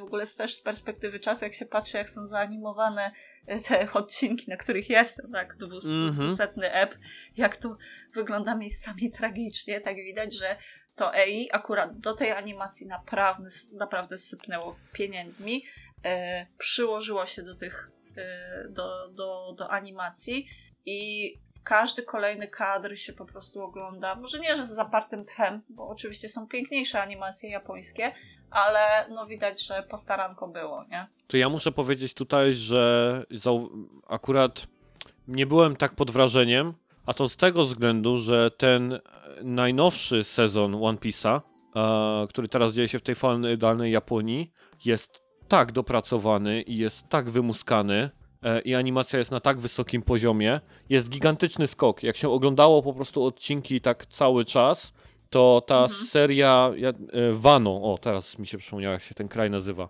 e, Wano e, absolutnie po prostu jest zupełnie inaczej e, rysowana. I muszę powiedzieć, że ten film mnie tak jakoś specjalnie mnie nie zachwycił. Właśnie ktoś nam mówił o tej animacji, że jest tak super i tak dalej. A, a ja byłem tak, że no jest okej. E, Nie byłem jakoś tak mega zachwycony właśnie z tego powodu, że Wano, które właśnie było tą ostatnią serią, jest fenomenalnie było animowane. E, Mnie natomiast co innego w tym filmie, nie tyle animacja mnie zachwyciła, co muzyka Mhm. co muzyka i- dźwięk. I tutaj muszę powiedzieć, że jestem totalnie rozjebany e, tą dziewczyną. E, ona się nazywa Ado, tak? E, Tak, te- tak, te- tak, tą Ado. japońską e, piosenkarką. To, co ona wyciągała w roli Uty e, w, tych, w tym śpiewie, to jest totalny po prostu szok. E, y, już najbardziej oczywiście ten utwór to, to mu- muzyka, tak?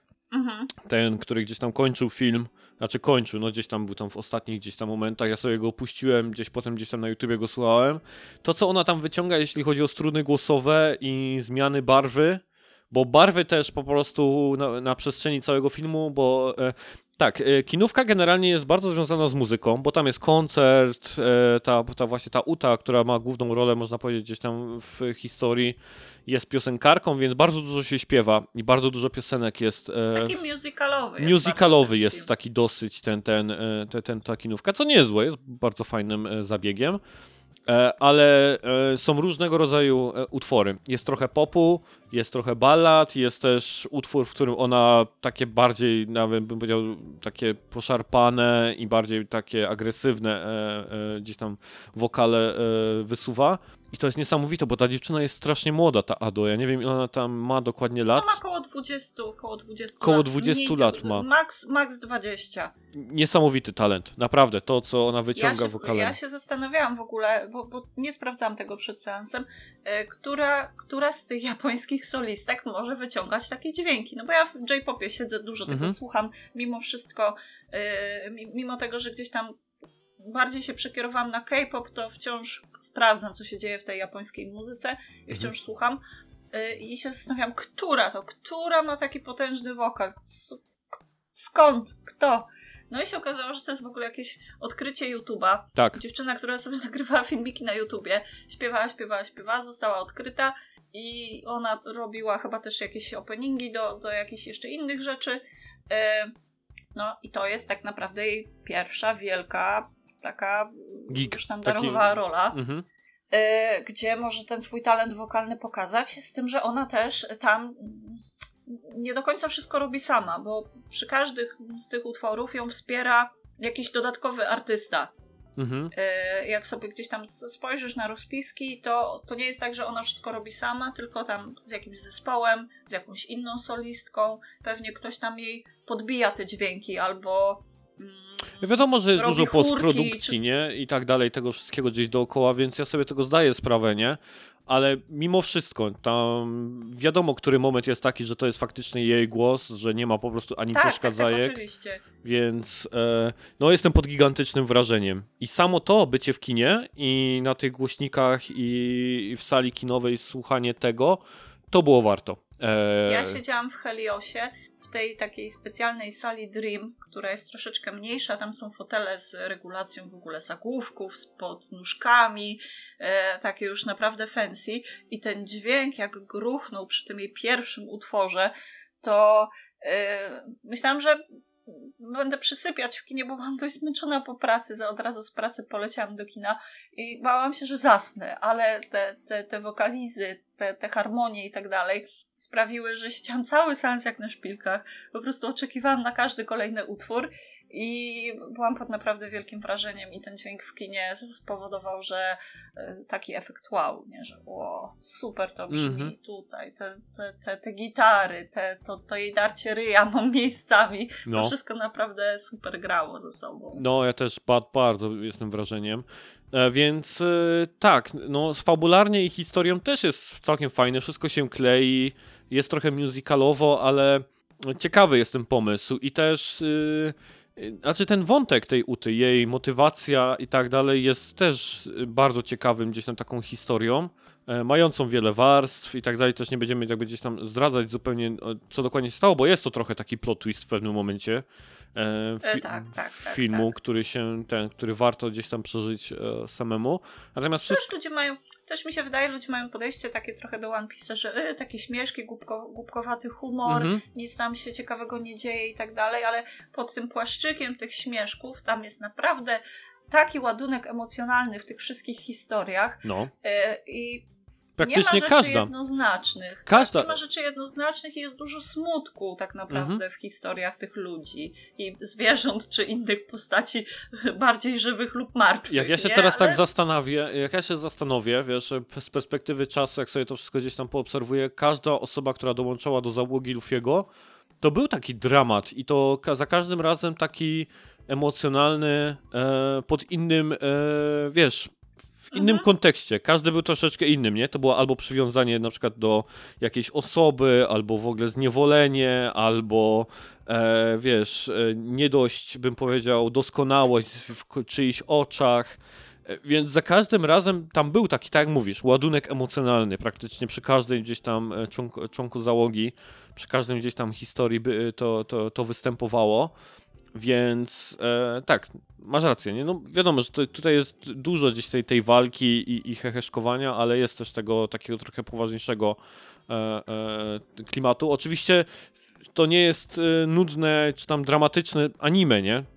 One jednak ma zdecydowanie więcej gdzieś tam tego humorystycznego i ten, ten, ale tak jak mówisz, pod spodem, jak, jak ktoś chce zobaczyć i chce to gdzieś tam widzieć, to jest tam dużo też tego takiego Ja sama też serca. uważałam One Piece'a za straszny, straszną kupę i jeszcze powiedzmy te dzie- 10 lat temu e, zastanawiam się, co ludzie w tym widzą i że przecież ten Luffy jest taki tępy i w ogóle najgorsza postać ever. Ja One Piece najgorszy ma już tasiemcem ever. mm, ale no oczywiście zdanie wygłaszane po nie obejrzeniu żadnego odcinka, nie? No, przecież Mhm. najlepiej się wypowiadać.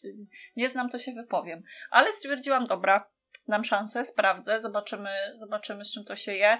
Może żyję w jakimś największym błędzie swoim mangozjebowym.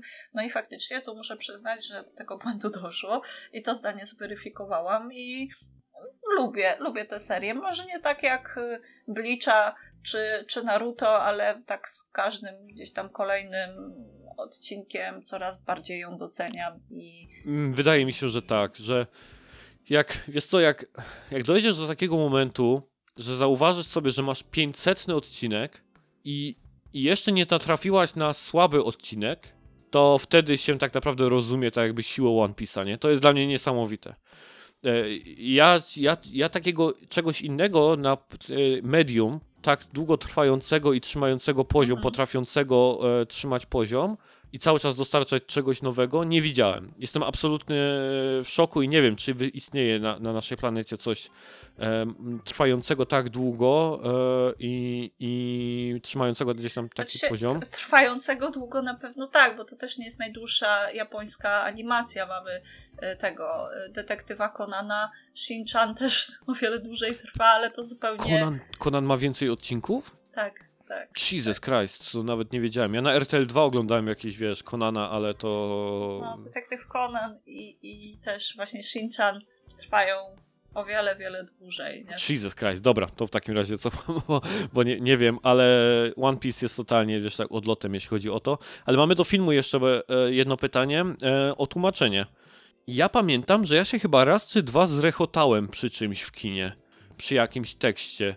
Coś było zabawnego, takiego, że całkiem fajnie przetłumaczony, nawet tak na bardzo taki na polsko, taki y, komediowo, że się z żoną uśmialiśmy.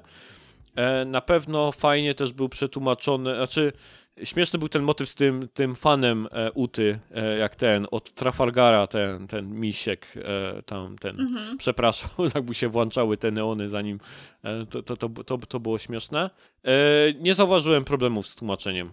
E, Jak oglądałem, żeby coś tam mnie jakoś ugryzło, że, że, coś dziwnie zrobili.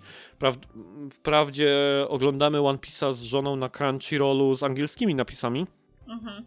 więc trudno to jakby gdzieś tam ocenić polskie tłumaczenie pierwszy raz, w sumie One Piece z polskimi napisami, e, ale e, nie było ok, dla mnie było ok, nie wiem, ty coś zauważyłaś? Było w, w, spójne z tym, co powiedzmy, jak tłumaczy polska Wikipedia, tak? Czy, czy gdzieś tam też manga Mhm. te, te określenia były spójne, choć y, też nie będę się tu jakoś wypowiadała szczególnie, bo też pierwszy raz, odkąd pamiętam, oglądałam anime z polskimi napisami.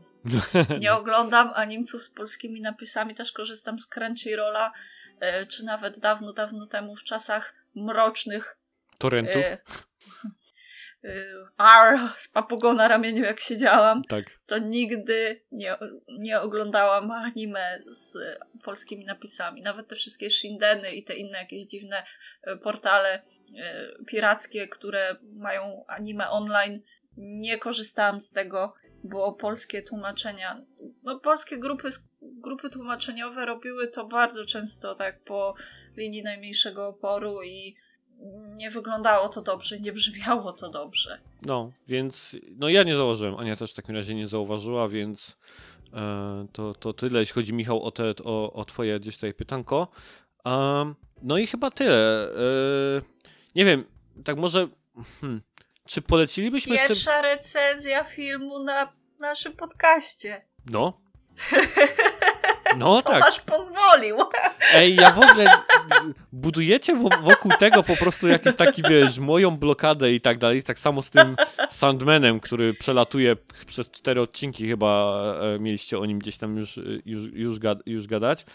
Ale ja nigdy nie zabroniłem tego, żeby się w tych wolnych wnioskach pojawił. Ja nawet nazwałem to wolne wnioski, żeby tutaj ktoś wrzucił cokolwiek, co chce pogadać o czymkolwiek, o, o z popkultury, kulturze i tak dalej. Nie, to lepiej brzmi, jak my mówimy, że ty nam zabrałeś. No ja wiem, no i potem y, ten, wychodzę na tego ty, tyrana po prostu e, podcastowego. No ale dobrze, e, to tyle by było z odcinka 60, od, okrągłego. E, pozostaje podziękować wszystkim za słuchanie tego odcinka, jak i słuchanie wszystkich poprzednich gdzieś tam odcinków.